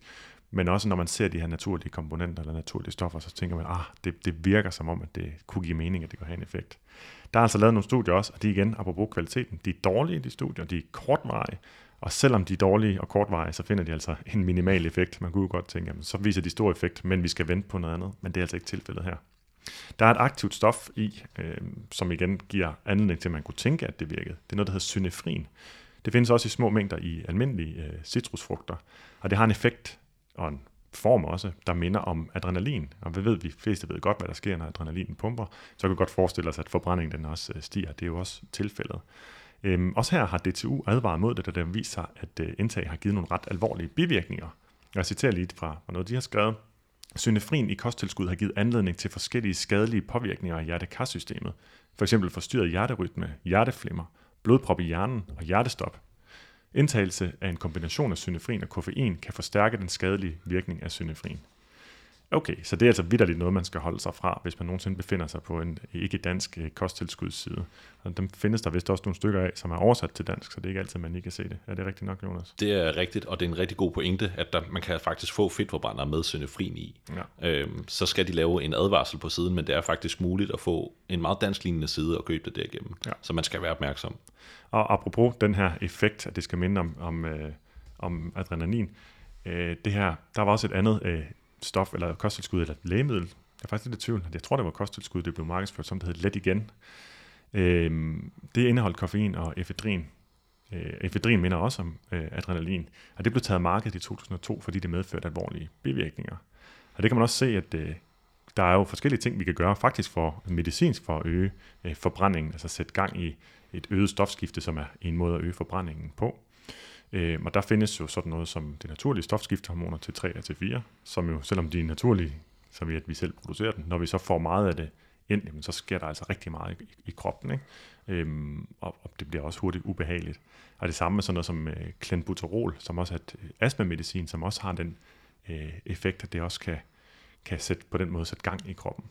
Øh, generelt, hvis sådan nogle forbrændingsbooster de virker, så er de formentlig farlige. Fordi det er ikke godt for os at have en unaturligt høj forbrænding, altså at vi sådan, sådan tonser afsted, vores krop øh, hele tiden er op og køre, hvis man kan sige det på den måde. Øhm, hvis de så er ufarlige, så er det formentlig uden effekt. Så enten så har de en for høj bivirkningsprofil, eller så har de ikke nogen virkning overhovedet. Det vil være med sådan en opsummering af, hvordan man formentlig skal forholde sig til dem. Ja, den er jeg meget enig i. Jeg synes, at det er helt rigtigt. Du lytter til Detox Din Hjerne med Morten Elsø og Anne Gormand. Så øh, måske vi skal op videre til øh, den næste kategori. Det synes jeg var en god opsummering på, øh, på det med forbrænding. Nu skal vi videre til en anden kategori. Nu skal vi nemlig kigge på noget, som hæmmer optagelsen af bestemte næringsstoffer. Og det er lidt en ny kategori, på den måde, at det er noget, der først er blomstret sådan lidt mere frem i de senere år. Men påstanden er basalt set, at du kan indtage for eksempel øh, det første stof, som vi skal snakke om, chitosan hedder det, som man finder i, øh, i skallen på skalddyr eller cellevæggen på svamp. Og øh, når du så indtager det, så danner det en gelémasse i maven, og den gelémasse sørger simpelthen for at absorbere noget af det fedt, man indtager, øhm, og sørger for, at ligesom det kommer med ud med tarmsystemet. Så i stedet for, at det bliver optaget, næringsstoffer bliver som regel optaget i tarmene, så i stedet for, at det bliver optaget, så bliver, ryger det ligesom bare med ud med den her gelémasse. Mm. Så kan man så selv forestille sig, hvordan det må være, eller hvordan det føles. Øhm, men det er i hvert fald det, som det, det, som det, det bliver markedsført på. Yep. Men jeg synes, det er en relevant overvejelse, at man lige skal sige, okay, hvad er det for en pris, vi så betaler, hvis vi selv antager, at det har en, øh, den her påståede effekt. Absolut. Godt så. Det, som det mest bliver markedsført på, kitosan, det er et studie, som øh, viste et 3 kilos vægttab over 90 dage, altså over 3 måneder. Og øh, der var bare et problem, og det var, at det var lavet af producenten selv. Altså dem, som selv solgte et, et ketosan-produkt, det var ligesom dem, som var med til at lave det. Og man kan sige igen, det vil være forkert at sige, at man øh, altid bare skal, at studier altid er annulleret, at man slet ikke kan bruge dem, hvis de betalte producenten, men det er bare øh, historisk set og erfaringsmæssigt set, især på kosttilskudsområdet, så kræver det ekstra skepsis, og jeg vil altid vente til, der kom studier, øh, hvor der ikke var økonomiske interesser, før jeg vil, øh, før jeg vil altså, overhovedet forsøge at tage stilling til, om der var god evidens for det eller ej. Ja, og man kan sige, hvis det så var i samme linje som hvad de andre studier viste, jamen så kunne man selvfølgelig være mindre skeptisk. Men det er faktisk præcis det modsatte, der er tilfældet her. Når vi kigger på en metaanalyse fra 2018, hvor man har samlet alle studierne på området, ikke kun det her, som producenten har lavet selv, mm. så kan vi se, at i gennemsnit så taber folk 1 kilo over 17 uger. Det var gennemsnittet for den her. Igen er vi meget nede i, i marginalerne, og der er også nogen, som så tvivl om den her fedtabsorberende effekt. Der er meget, som teoretisk tyder på, at det er sådan, men man er stadigvæk faktisk ikke helt sikker på, hvor meget fedt absorberer det, og gør det så gældende for alle, og hvilke fedtstoffer er det præcist. Ja, så er det også relevant, selv hvis de så gør det, betyder det så, at fordi man ikke har optaget det fedt, at så bliver man hurtigere sulten igen, ja. og spiser dermed tilsvarende mere på et andet tidspunkt. Der er nemlig rigtig mange ubesvarede spørgsmål omkring det her. Der er også sådan noget som, øh, jamen, hvad så med fedtopløselige vitaminer? Vi har nogle helt essentielle vitaminer, vi skal have. Og der er faktisk noget, som tyder på, at jamen, hvis de her fedtsyre, de så bliver blokeret, nogle af dem bliver, jamen hvad så med de fedtopløselige vitaminer? De vil i teorien også ryge i nogle af de kategorier. Og så snakker vi lige pludselig, at folk lige kommer i underskud af vitamin A og D og E og K og så videre, fordi at de øh, så indtager det her kosttilskud. Ikke? Det er igen øh, grunden til, at det er vigtigt, at vi undersøger de her grundigt. Hmm. Så øh, selvom det er spændende, øh, det her med, om kitosan det kan hæmme fedtet, så er der meget, der stadig giver grund til, at man skal være skeptisk. Man kan sige, hvis det absorberer så meget fedt, så vil det være forventeligt, at folk i de her studier tabte sig markant. Okay, så, så det passer ikke med, hvad man for, altså, effekten, man ser på vægten, matcher ikke ideen om, hvor meget det vil binde af fedt. I hvert fald ikke, når vi kigger på, hvad kosttilskudsproducenter de påstår. Yes. Der ser man ofte op til 40% fedt i gods øjne, at det skulle blive hæmmet. Det passer simpelthen bare ikke med et, et gennemsnitligt vægttab over øh, de her 17 uger. Så er der igen nogle andre mekanismer på spil, som vi måske ikke kender. Som du nævnte, jamen er der så noget i forhold til, at folk bliver mere sultne, så kan det godt være, at det bliver absorberet, men bliver de så mere sultne? Hvad er det ligesom, der sker? Ja. Og det ved man ikke helt med sikkerhed endnu. Nej. Den næste og øh, nummer to i den her kategori, det er hvide kidneybønner. Og øh, hvide kidneybønner er øh, også rigtig interessant, synes jeg, fordi der er noget, der tyder på, at det kan hæmme optagelsen af nogle typer kulhydrater. Og øh, det er jo rigtig appellerende for mange, fordi at der er nogle, mange, der har sådan lidt et skævt forhold til kulhydrater. Øh, er så lidt bange for, for kulhydrater. Og derfor så er det jo virkelig benzin på bålet for marketingskonsulenter her til, til kosttilskudsindustrien, når man så kan markedsføre studier på, på hvide bønder og sige, jamen se det her, hvis du indtager det her, så hæmmer det optagelsen af kulhydrater. Ja, så forbrugeren vil allerede være primet til, at hvis de bare skriver, det hæmmer optagelsen af kulhydrater med x antal procent, så vil forbrugeren selv øh, udlede der at sige, så derfor så er det godt for mig, og derfor så vil det hjælpe mig til at tabe mig. Ja, og resultaterne er faktisk mere lovende her. Det er faktisk den første, vi skal snakke om, hvor resultaterne faktisk ser mere lovende ud. Øhm, der ser det ud som om, i et review fra 2020, der ser det ud som om, at det gennemsnitlige indtag, eller undskyld, det gennemsnitlige vægt, vægttab på, øh, i studiet, det var over tre måneder, så tabte de cirka 2,6 kilo. Så nu begynder vi at komme op i nogle tal, som i hvert fald øh, er lidt mindre, eller undskyld, er lidt mere tæt på noget, hvor vi kan sige, at det er noget relevant. Resultaterne er dog mixet, og igen så er problemet med sådan nogle her studier, at mange af dem er lavet af producenter, rigtig mange af dem er lavet af folk, som har en økonomisk interesse i, at det går i en bestemt retning. Kvaliteten er ikke super, og problemet er også, at det ofte ikke handler om de kulhydrater, som folk tror, de gør. Så øh, selvom der står, at det hæmmer optagelsen af kulhydrater, så er det optagelsen af det, vi kender som komplekse kulhydrater. Mm. Det er det, vi finder i grøntsager, det er det, vi finder i øh, brød, det er det, vi finder sådan i sådan mere almindelige fødevarer. Det er ikke de ting, som folk ofte vil have problemer med. Altså øh, sukker for eksempel, eller kager, eller altså sådan de her ting, som folk vil have en større tendens til at overspise og have det svært omkring. Så igen kan vi sige, jamen har det så den effekt, som vi gerne vil have, det havde? Har det den effekt, som vi håber, det havde? Og der er mange producenter, som er skrupelløse omkring det her.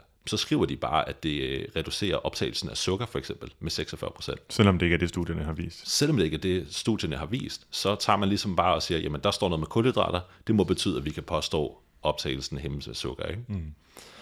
Så igen, hvide kidneybønner er rigtig interessant, rigtig spændende. Der kan være noget der, men forskningen er simpelthen for mixet endnu, for dårligt til, at vi kan sige, at hvorvidt det er noget, der er godt eller dårligt at bruge. Og er det noget, man får også som på, på pulverform eller hvad? Ja, det er det. Det er noget, man indtager som pulverform, ja. Og hvor meget bliver der kontrolleret for, om det er simpelthen bare volumen, altså det, at der, det fylder, øh, som, som gør den her forskel, eller om hvorvidt det er, rent faktisk er øh, noget, der hæmmer optagelsen. Og du siger, det er ikke nødvendigvis sådan, det virker, hvis det endelig er, det virker. Ja, men det, det er meget svært at sige. Der er noget, som indikerer det på den måde, at der er nogle studier, hvor så sætter man for eksempel folk på en meget høj kulhydratrig kost, og når man gør det, så har de en tendens til at tabe sig mere. Altså jo flere kulhydrater de indtager, jo mere har de tendens til at tabe sig, når de også indtager hvide kidneybønner. Mm.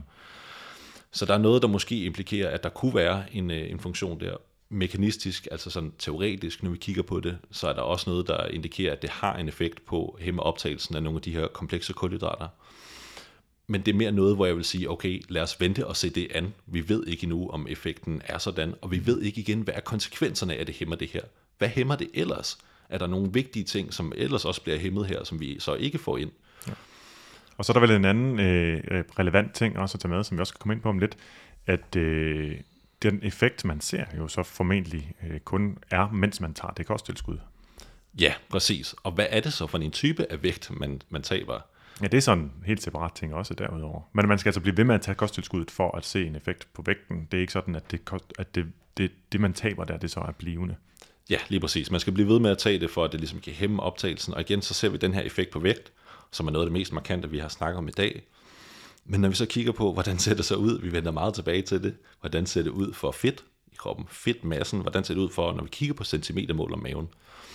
Og der kan vi ikke se de samme effekter. Folk taber sig simpelthen ikke tilsvarende fedtmasse, de taber sig ikke tilsvarende omkring maven. Og så kan vi igen sige, jamen hvad var det så for noget vægt, de tabte? Ja. Vægttab skal jo ikke, de fleste vil gerne tabe fedtmasse, de vil ja. ikke bare tabe vægt. Nej, man taler hele tiden om vægttab, men det folk egentlig er interesseret i, det er fedttab. Ja, præcis. Ja. Og der er rigtig mange af de her studier, og det går også igen for hvide kidneybønder, hvor der er noget, der tyder på, at det måske primært bare er vægt, og hvad det så er endnu, det kan være svært at sige. Ja. Men det er måske i hvert fald ikke udelukkende fedtmasse. Nej, og man, det er formentlig ikke det her, der er, men hvis man bare skulle lave sådan en idé om, hvad kan det så være, hvis man optager færre kulhydrater, så kan det være, at man har et lavere eller en mindre kulhydrat, kulhydratlager i kroppen. Det kan jo i sig selv veje 2-3 kilo. Øh, hvis, og det er også det, folk de ser, når de spiser en, meget, øh, en kost meget øh, fattig på kulhydrater det er typisk sådan en ketogen kost for eksempel især, det er, at man taber sig hurtigt et par kilo, men det er altså ikke nødvendigvis fedttab. Det kan simpelthen være kulhydratlageret, der bliver, der bliver drænet fra kroppen. Lige præcis, og det kan også være tilfældet her. Det vil fremtidig forskning gøre os klogere på. Og øh, vi er stadig under kategorien øh, hæmmer optaget. Den sidste ting, som lige vil omkring, det er noget, som hedder Orlistat. Det er i hvert fald det, som det blev kaldt som lægemiddel, men det var også noget, der var i det, der hed Alipiller, og det er også sådan et, et, et produkt, der har været tidligere, som, som jeg selv kender nogen, der har, der har benyttet sig af på et tidspunkt, og også kender til bivirkningsprofilen fra deres egne anekdoter. Det vender jeg lige tilbage til. Det var noget, som man både kunne få i håndkøb og også øh, stærkere på recept. Øhm, Øh, ja, og det, det virkede nemlig ved at forhindre optaget af fedt fra tarmen. Og der var du inde på det før, at der kan man jo overveje konsekvenserne. Hvad sker der, hvis det, op, hvis det forhindrer optag af fedt? Hvor skal det fedt så hen? Jamen det fortsætter så ned igennem tarmen, og altså også øh, ned i endetarmen og ud derfra igen. Øhm, og som, som øh, der stod øh, et af de steder, jeg læste om der bivirkningerne ved øh, Orlistat eller ved alle piller, det var, spiser man for meget fedt i kosten, kan pillen give bivirkninger i form af blandt andet luft i maven og lækage af fedt fra endetarmen. Jeg synes bare, den, øh, den formulering, den må man så selv lige sidde og forestille sig, hvordan det vil være. Ja, det lyder ikke rart. Nej, det gør det ikke. Og det var også det, som folk beskrev. Det var netop, at det simpelthen kunne sive ud, øh, nedenud, når man havde taget de her piller, hvis man spiste fedt. Så det vil sige, at man håbede så på, at så vil man lade være med at spise fedt. Men det kunne man jo så, har man formentlig ikke nemmere ved at lade være med at gøre, fordi man tager pillerne. Øh, man får bare øh, efterfølgende en straf for at have gjort det. Og på den måde virker det lidt ligesom antapus øh, for fedtindtag. Præcis. Så hopper vi til næste øh, kategori, den næste sidste, øh, som er de kosttilskud, der skulle øge mæthed eller sænke appetitten. Yes. Og øh, der skal vi tilbage til nogle af vores gamle kendinge. Vi skal blandt andet kigge på koffein, chili, MCT igen, hvordan de påvirker appetit. Men vi skal også snakke om sådan den helt store øh, over, øh, skal vi kalde den øh, hovedkategorien her, hovedkosttilskuddet. Og det er glucomanan. Glucomanan det er et fiber, som øh, svulmer op i maven, når det kommer i kontakt med vand. Så øh, typisk så skal man tage en øh, pille, som består af glucomanan, eller man skal hælde det op i et glas vand, og øh, så skal man indtage det. Og det skal man gøre cirka tre gange om dagen. Og hvis man gør det, så viser en metaanalyse, at det giver et øh, gennemsnitligt vægttab på 1 kg over 8 uger. Og igen er det ikke super meget. Og dokumentationen er primært for, når man indtager glucomanan, altså det her fiber, som svulmer op i maven, og kalorieunderskud. Så det vil sige, at man skal også være i kalorieunderskud i, i forvejen i studier, hvor man bare sætter folk til at spise folk øh, altså ved, ved ligevægtsindtag eller normalt, og så tager det, så taber de sig i gennemsnit lidt ikke. Okay. Mm. Så øh, man skal faktisk være i kalorieunderskud for, at det har den optimale effekt. Men kalorieunderskud i sig selv har jo en effekt. Ja, præcis. Så spørgsmålet er, hvor stor en effekt er der så overhovedet af at tilføje glucomanan? Ja, og det bliver også diskuteret meget i forskning, og der kan man se metaanalyser, som peger den ene vej, metaanalyser, som peger den anden vej. Den bedste, der ligesom er, den tyder faktisk på, at det har en effekt på vægt overordnet set. Og det giver jo også god mening, hvis vi tænker det sådan logisk. Her der har vi noget, der fylder meget i maven. Mm. Nu er det ikke en eller anden ukendt mekanisme. Nu har vi noget, der fysisk fylder i maven, og du drikker et stort glas vand samtidig, som vi også ved er noget, der påvirker vores appetit. Ikke gennem nogle magiske effekter, men bare fordi, at nu har du et stort glas vand i maven. Ja, man kan sige, det er jo også en måde at spise på, som er forbundet med, at man indtager færre kalorier og holder vægten nede, eller har nemmere ved at holde vægten nede eller tabe sig. Det er jo simpelthen at have en, en, en kost, som generelt har en høj volumen i forhold til kalorieindholdet.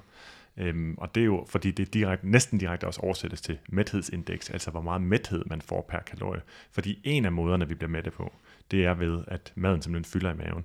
Det er ikke den eneste måde, vi mættes på, og nogen kan sagtens ignorere de stræksignaler, og man kan vende sig til dem.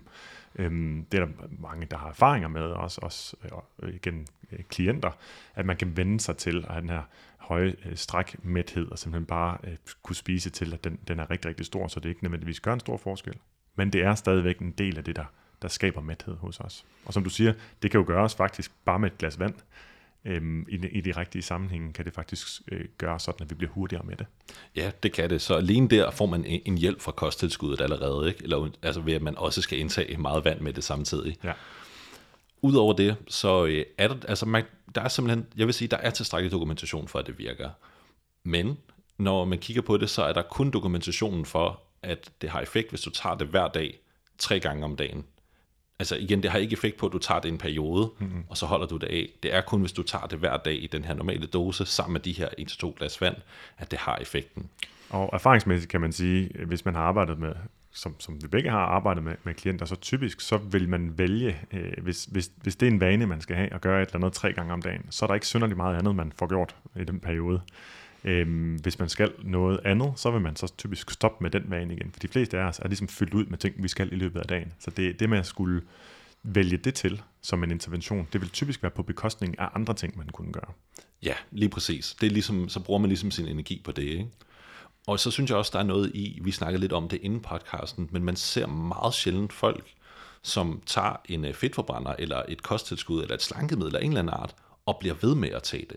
Jeg kender personligt ikke nogen efter mine rigtig mange år i fitnessbranchen. Jeg har aldrig mødt nogen, som har taget en fedtforbrænder eller et slankekosttilskud, og så blev de ved med at tage det. Jeg har hørt om rigtig mange, hvor de havde en god oplevelse i en kort periode, men sådan rent anekdotisk har jeg aldrig mødt nogen, som blev ved med at tage det. Har du det? Nej, det har jeg nemlig ikke, og det var sjovt, at du sagde det, kom jeg til at tænke på. Nu har jeg også været i fitnessbranchen, eller sådan afledt af fitnessbranchen i, i nogle år efterhånden og har undervist rigtig mange mennesker, som har haft rigtig mange klienter, og har haft gode dialoger med folk. Jeg har simpelthen, det er jo ikke bevis for noget som helst, men det er jo bare meget sjovt. Ikke? Jeg har simpelthen aldrig hørt en reel succeshistorie med vægttabskosttilskud.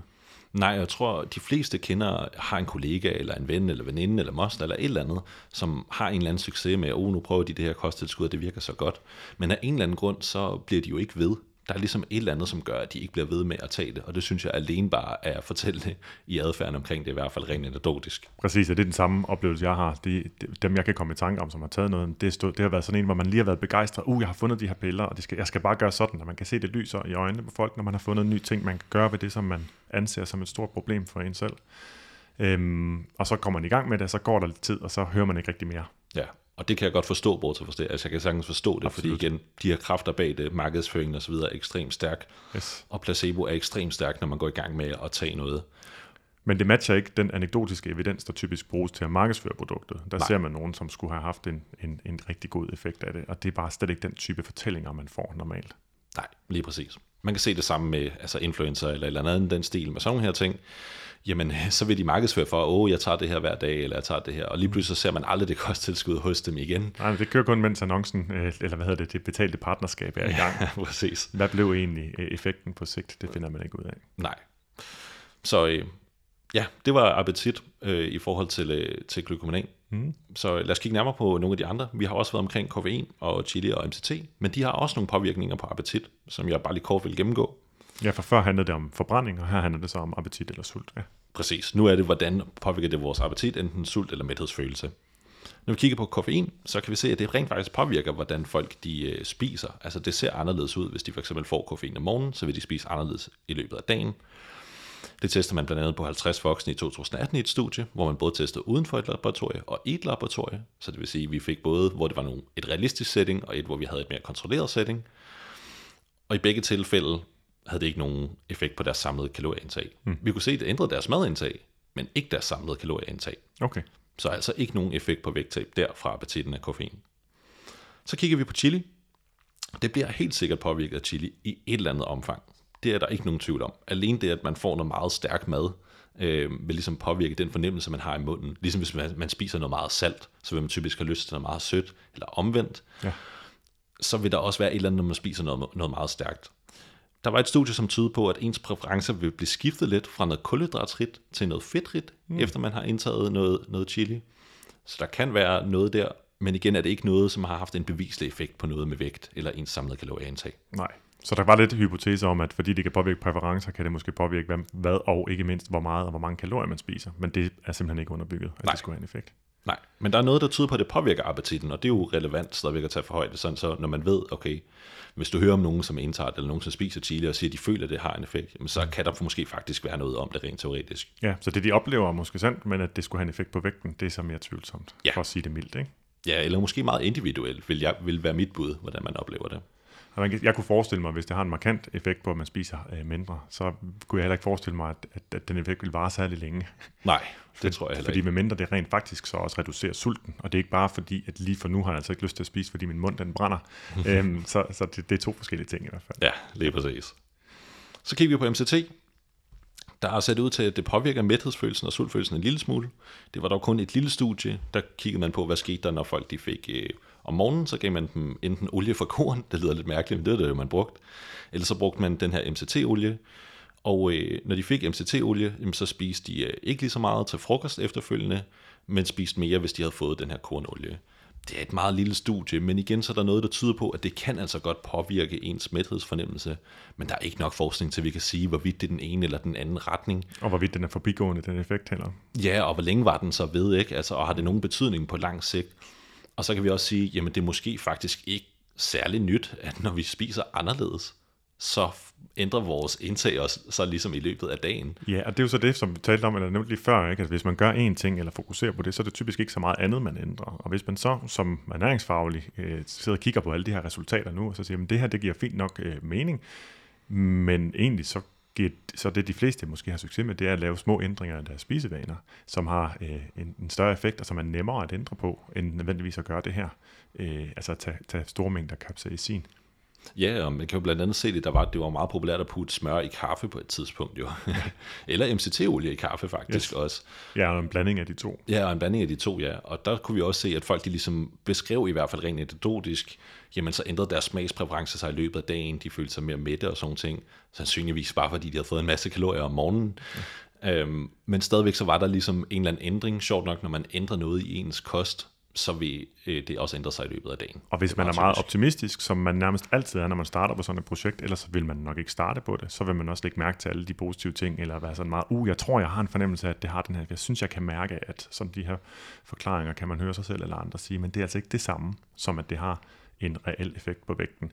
Og jeg vil sige, anekdoterne om den her bulletproof coffee, altså det her, øh, den her fedtberigede, for at sige det mildt, øh, kaffe, som man skulle starte dagen med, de, øh, de var meget i modstrid med, med, med det, som øh, de klienter, jeg havde, der havde benyttet sig af den, øh, havde oplevet. Og det var jo et eller andet sted mellem 8 og 12 kilos vægtstigning, simpelthen ved at ændre sit morgenritual. Og det var altså, målet var det modsatte. Ja. Så det at starte dagen med en kop halv kaffe, halv smør, er altså en af de dårligste vægttabsråd, der nærmest nogensinde er givet, tror jeg. Jeg er enig. Men, men markedsført faktisk gennem anekdoter, blandt andet pseudovidenskab om, at det skulle være gøre en til en fedtforbrændende maskine, baseret måske på nogle udplukkede studier, der har vist en eller anden lille ting, og så anekdoter om, at det skulle have en fantastisk effekt, som altså de to ting, pseudovidenskab og anekdoter, det er noget af det mest overbevisende, der findes, men, men meget lidt troværdigt. Ja, så man kan se nogle af de her ingredienser, for at opsummere, de, øh, der er noget, som tyder på, at de kan påvirke øh, appetitten, men det som marketingsproducenter, de bruger, eller undskyld, kosttilskudsproducenter, de bruger det til, det vil ofte være sådan noget om cravings. Mm. Så vil de sige, at det slår cravings ihjel, eller sådan det, det stopper dig i at få lyst til kulhydratrig mad, kan man også se, og sådan ting. Og det er der altså ikke god nok evidens for at påstå. Og det, det fører jo sådan lidt over i den sidste kategori, nemlig at kosttilskud skulle, øh, at der findes nogle kosttilskud, der skulle sænke vores øh, sukkertrang, eller påvirke vores blodsukker, og de to ting bliver faktisk tit koblet sammen. Øhm, der er mange produ- produkter, der påstår at kunne, kunne sænke ens cravings, altså den her trang til øh, typisk noget sødt, er i hvert fald det, der i tale sættes, men det er egentlig trangen til nogle specifikke fødevarer, typisk noget, som man synes er forbudt. Øhm, cravings har vi talt uddybende om, øh, Anne Gorman og jeg, i en ældre episode, øh, afsnit 23 af den her podcast, som også blev noget af en, en, øh, en maraton-omgang, men det er mega interessant, og det er jo egentlig mere et psykologisk øh, fænomen, altså at den ændrer diskussion og fantasi om en fødevare, som man synes, man ikke burde spise, men man lige havde fået lyst til, eller havde en anden idé om, eller har en idé om, er, er helt fantastisk. Øhm, men der er som sagt øh, nogle kosttilskud, der påstår, at man kan slippe af med de her cravings, som mange kæmper med, og det er jo en del af cravingens, øh, hvad kan man sige, måde at være på, det er, at det er noget, man kæmper mod. Man vil næsten ikke kalde det en craving, hvis ikke man er i gang med at kæmpe. Så vil man bare kalde det en lyst, som man bare kan handle på. Så, så det, at man kan få noget, som skulle sænke ens cravings et kosttilskud, det kan jeg godt forstå, at man virkelig, at virkelig er appellerende. Ja, det er meget tiltalende, ikke? Absolut. Og den påståede mekanisme er altså så, at man kan reducere cravings ved at forbedre blodsukkerreguleringen. Og med blodsukkerreguleringen menes nok, at blodsukkerstigningen efter et måltid bliver lavere, end den ellers ville have været, hvis man tager et eller andet kosttilskud. Og det er så baseret på en baserende idé, altså noget, som allerede sådan er igen forbrugeren er primet til at tænke, at det er en god ting, fordi rigtig mange steder hører man, at noget af det, der giver cravings, det er blodsukkerudsving. Altså fordi du får øh, forhøjet blodsukker, efter du har spist, og så falder blodsukkeret igen, og så får du vildt meget lyst til noget sødt. Og det er bare overhovedet ikke sandt. Det er slet ikke det, der er, det blodsukkerudsving er ikke forklaring på, hvorfor vi får øh, cravings. Der er faktisk, Øh, det, det er jo også undersøgt, om der er en sammenhæng mellem blodsukkerudsving og, og, og, og, og hvor meget man tager på, og det er der altså heller ikke. Så kort fortalt, cravings er altså ikke et produkt af blodsukkerudsving. Øhm, så derfor så giver hele den tilgang, altså det at claime, at et produkt øh, reducerer cravings ved at reducere blodsukkerudsving, udsving, det giver altså ikke rigtig mening. Nå, men en af de stoffer, bare lige for at man også kan genkende dem i, i de kosttilskud, man måske øh, ser reklamer for, som måske hjælper på blodsukkerreguleringen, øh, altså at man har en lidt lavere blodsukkerudsving, efter man har spist et måltid med kulhydrater i, øh, det er krom, og det er så primært vist i studier på celler, øh, eller mus og rotter. Altså celler først og fremmest, det er altså bare nogle, der er i sådan en petriskål, og så kan man se, om der sker et eller andet med nogle udtryk af nogle gener eller enzymer. Og så kan man altså undersøge det i mus og rotter. Og der er der altså krom, har vist sig at have en eller anden lille effekt. Og øh, krom her, det får så æren for den påståede effekt af et produkt, som jeg vil nævne med navn, der hedder Coffee Zero. Og det er en slags slankekaffe, hvis man kan kalde det det, øh, der blandt andet promoveres med annoncer på Instagram, også lige for tiden. Og tv for den sags skyld. Også på tv. Øhm, og på deres hjemmeside har de skrevet, øh, det er ikke sikkert, at det stadig står der, for den bliver ændret lidt en gang imellem, Krom spiller også en stor rolle i at dæmpe sukkertrangen og normalisere blodsukkeret. Så derfor de to ting, bliver de to ting igen øh, koblet sammen. Igen, de påstår ikke, at det får cravings til at forsvinde ved at dæmpe sukkertrangen. De kan godt komme med de her lidt mere neutrale øh, påstande, som, som er svære sådan at komme efter dem omkring, men hvor man vil se, sige bagefter, jamen øh, det, der har, her har jeg oplevet det som, eller her læser jeg det som noget, der nok vil få mig til at tabe mig. Ja, de får os til at lave konklusionen ved ja. ligesom at sætte de to ting sammen altid. Også, de siger ikke, at krom dæmper sukkertrangen. De siger, at krom spiller en stor rolle i at Altså det er virkelig en måde sådan at kunne snige sig lidt udenom det på på et tidspunkt, hvis man skulle øh, kommunikere på en måde, som, som man øh, ja, ikke rigtig kunne klandres for at komme med store påstande. Jeg nævner Coffee Zero specifikt, fordi det her faktatjekker medie Check det, jeg ved ikke om, om folk de kender, men øh, de spurgte mig tilbage i februar, om jeg ville kigge på øh, påstandene fra øh, det her øh, Coffee Zero, og ikke mindst kigge på deres dokumentation. Øhm, og den vender jeg lige tilbage til om lidt, men øh, jeg kan huske til den artikel, jeg har lige valgt at citere mig selv nu, fordi jeg synes, det, det, det egentlig er, er konklusionen, som man skal gå, gå fra den her analyse med. Der fik jeg sagt, at det, det er en udbredt myte, at trang til noget sødt er drevet af ustabilt blodsukker, og at man derfor kan blive fri af trang ved at tage tilskud, der skulle påvirke blodsukkerreguleringen.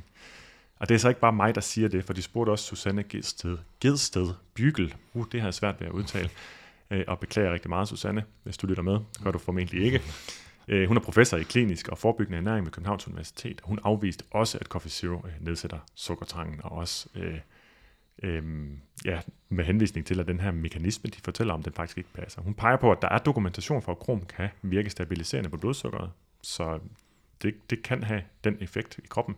Men, og så siger hun, deres argument er, at fordi krom er med til at stabilisere vores blodsukker, så nedsætter det vores sukkertrang. Men det er altså noget sludder.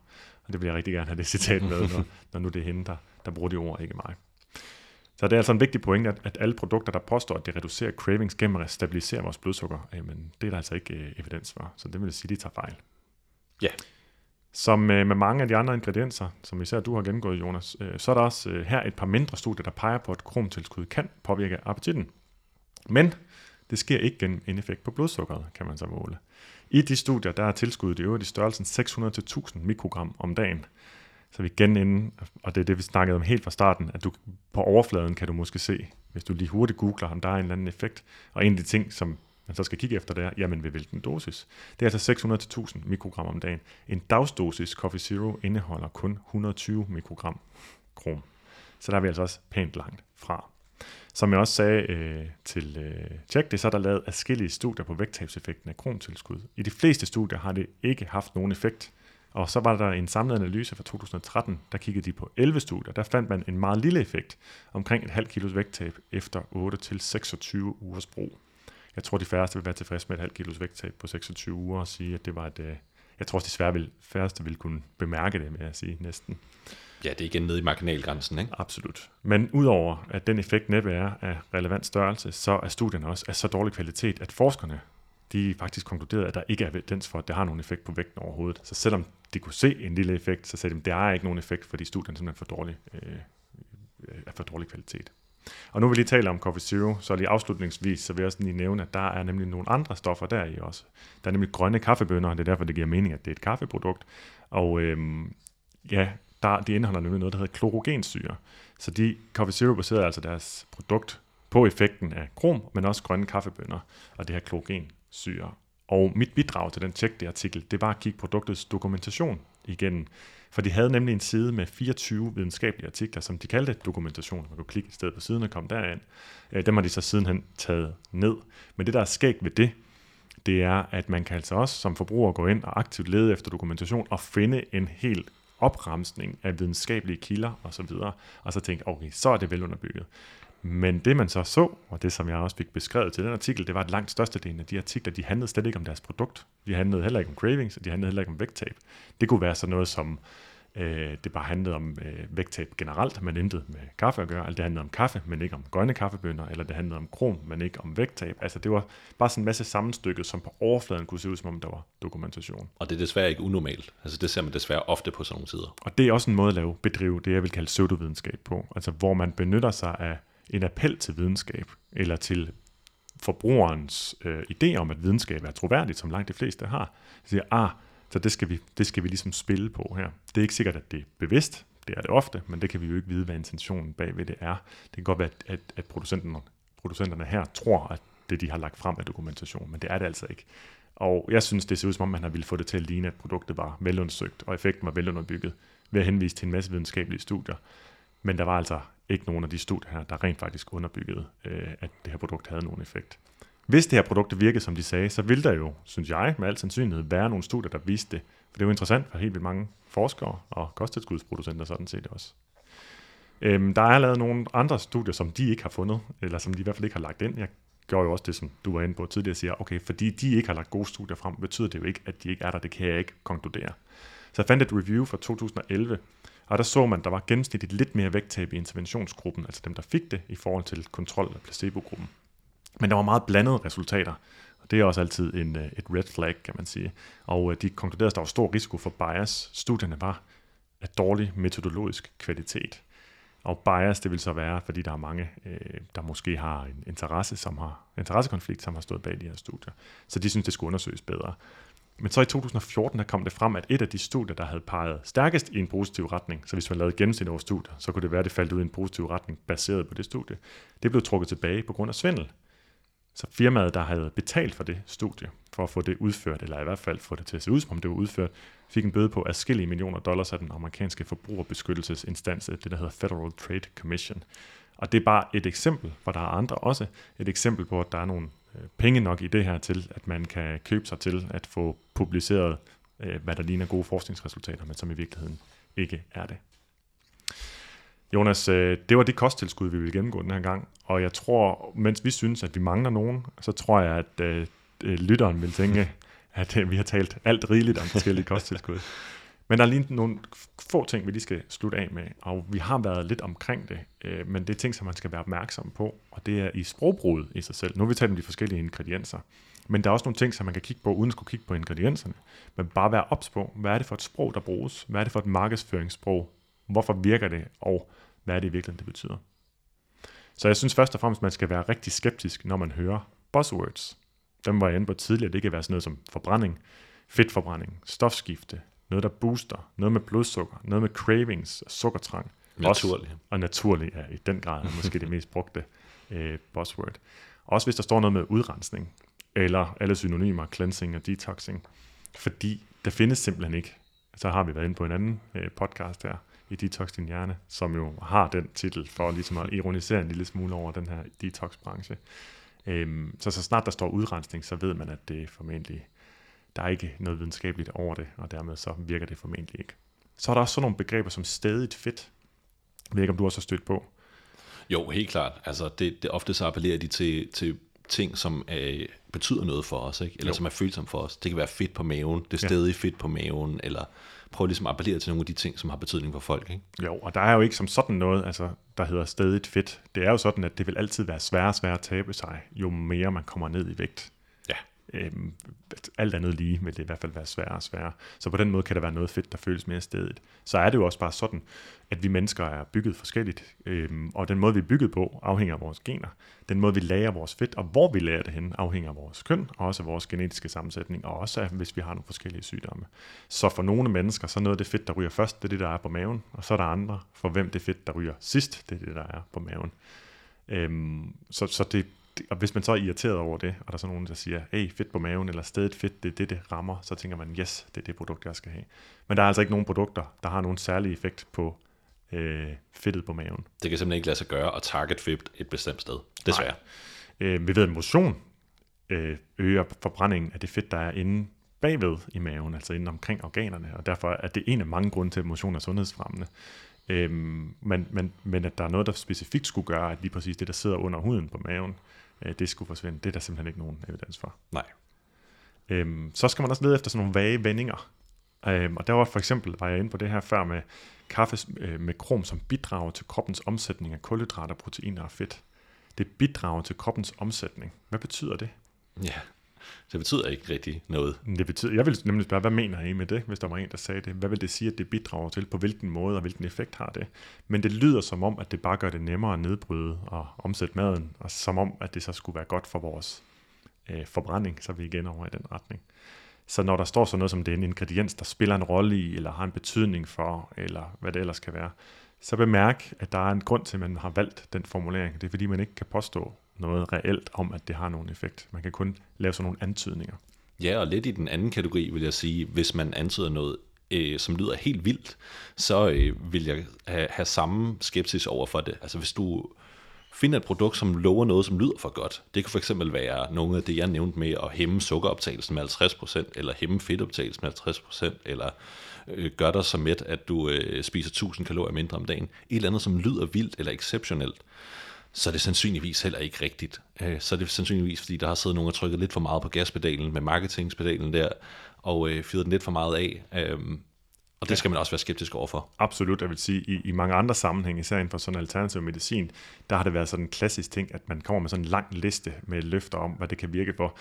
Øhm, altså en alternativ behandlingsform, som både øh, reducerer inflammation og fjerner smerter og øger din forbrænding og øger din velvære og også reducerer risikoen for syg, altså alle mulige ting.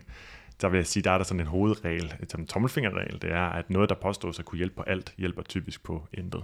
Det synes jeg er en rigtig god pointe. Jo flere ting de påstår, at det produkt det kan, jo mindre sandsynlighed er der for, at det rent faktisk har den effekt. Ja, nemlig. Jeg tror, det er mere end øh, tid til en opsummering efterhånden, øh, Jonas. Øh, og den, den korte version har jeg sådan øh, øh tænkt lidt over her. Du byder selvfølgelig bare ind, hvis der er noget, du synes, jeg mangler, men jeg vil sige, at de fleste øh, produkter, som vi har gennemgået, har formentlig ingen øh, effekt eller ingen relevant effekt. De produkter, der har, har kun ja, en meget beskeden eller irrelevant effekt.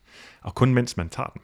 Hvad fremtiden øh, så bringer for kosttilskudsforskningen på det her område, det ved vi selvfølgelig ikke. Men der er lavet vildt meget forskning, og det meste er rigtig dårligt, og det meste peger på, at det altså har igen ikke rigtig nogen effekt. Ja, jeg vil sige, at selvom vi lyder ekstremt skeptiske, og det kan godt komme til at lyde som om, når man der er bare ikke noget, der virker, så er vi der af en grund. Øh, det er, fordi vi har siddet og kigget på forskningen her, og jeg vil sige, jeg personligt, og det er jeg sikker på, at du også er meget åben over for, jamen hvis der var god forskning, som viste en effekt af nogle af de her ting, så vil jeg ikke være bange for at anbefale det. Hvis der var god forskning, som viste, at det ene eller det virkede, eller det sker i fremtiden, jamen så vil jeg helt klart anbefale det. Ej, min bias er netop også mere i retning af, at jeg synes, der er kommet med så mange øh, uunderbyggede påstande undervejs, så jeg er sådan en lille smule, jeg har et horn i siden på kosttilskudsbranchen, men jeg har det ikke sådan, at hvis der skulle dukke noget op, som havde nogle effekter, så vil jeg ligesom afvise det, fordi jeg har en moralsk idé om, at, at kosttilskud er ikke den rigtige vej. Det har jeg overhovedet ikke. Men der er simpelthen bare ikke noget, der har virket overbevisende, og gang på gang, når man dykker ned i det, så, så falder det, det meste simpelthen til jorden. Jeg vil også sige lige et tip øh, her på falderæbet. Man skal ikke stole på eksotiske ingredienser øh, og med latinske navne. Man skal i hvert fald igen være skeptisk. Læg mærke til, at det er altså også en appel til noget, som er indbygget i vores hjerne på forhånd. Noget, som man tænker, oh, det lyder godt, og det plejer at være forbundet med noget sundt og noget godt for os. Øhm, så skal man også huske, at mens øh, dokumentationen, som man måske kan finde på nogle sider, den kan virke overbevisende, så er de fleste studier lavet på mus og ikke mennesker, eller er af rigtig dårlig metodologisk kvalitet. Øhm, og dem er der simpelthen så mange af, så det vil være nemt for de fleste kosttilskudsproducenter at henvise til en eller anden videnskabelig dokumentation, men den er simpelthen ikke ordentligt dokumenteret, med mindre kvaliteten er god. Hvis der dukker noget revolutionerende op på vægttabsområdet, så vil du helt sikkert kunne læse om det i medierne. Det er ikke sikkert, at det er sådan en verdens bedste tommelfingerregel, men det er bemærkelsesværdigt, når der er fravær af information om noget, der skulle have en fantastisk effekt, andet end på sælgerens egen side. Ja, og det vil være rigtige medier. Nogle ja. kosttilskud, de bruger de her, hvor de prøver at få det til at ligne en nyhedsartikel. Yes. Det kan, skal man også være opmærksom på. Så fra ja. rigtige medier vil vi høre om det. Absolut. Og ikke i reklamesektionen i rigtige medier heller. Præcis. Øhm, så kan jeg jo lige sådan afslutningsvis øh, afsløre, at det har taget rigtig, rigtig lang tid at forberede os til den der podcast. Øh, og det har det, fordi det er super nemt at komme med påstande, så dem er der masser af, men det tager markant længere tid at øh, tjekke dem efter. Det gør det. Så tusind tak for dit øh, store arbejde, Jonas. Selv tak. Og tusind tak, fordi du vil være med. Det var en fornøjelse. Det var også en fornøjelse her. Og til dig, kære lytter, øh, jeg håber, at vores nørderier gav mening, og det kan hjælpe dig til at genkende pseudovidenskabelig slankesvindel fremover, så du hverken spilder tid, energi eller penge på produkter, der ikke virker. Som altid smider vi øh, show notes og referencer ind på detoxdinhjerne.dk, der nu henviser til Madro Instituttets nye hjemmeside i stedet for min gamle sag. Øh, på den hjemmeside kan du også læse om vores kommende kostvejlederuddannelse, hvor du lærer en masse om at skille skidt fra kanel, og hvordan man hjælper andre til at fokusere på det, der gør en forskel. Så er der vist kun tilbage at sige tak, fordi du lyttede med.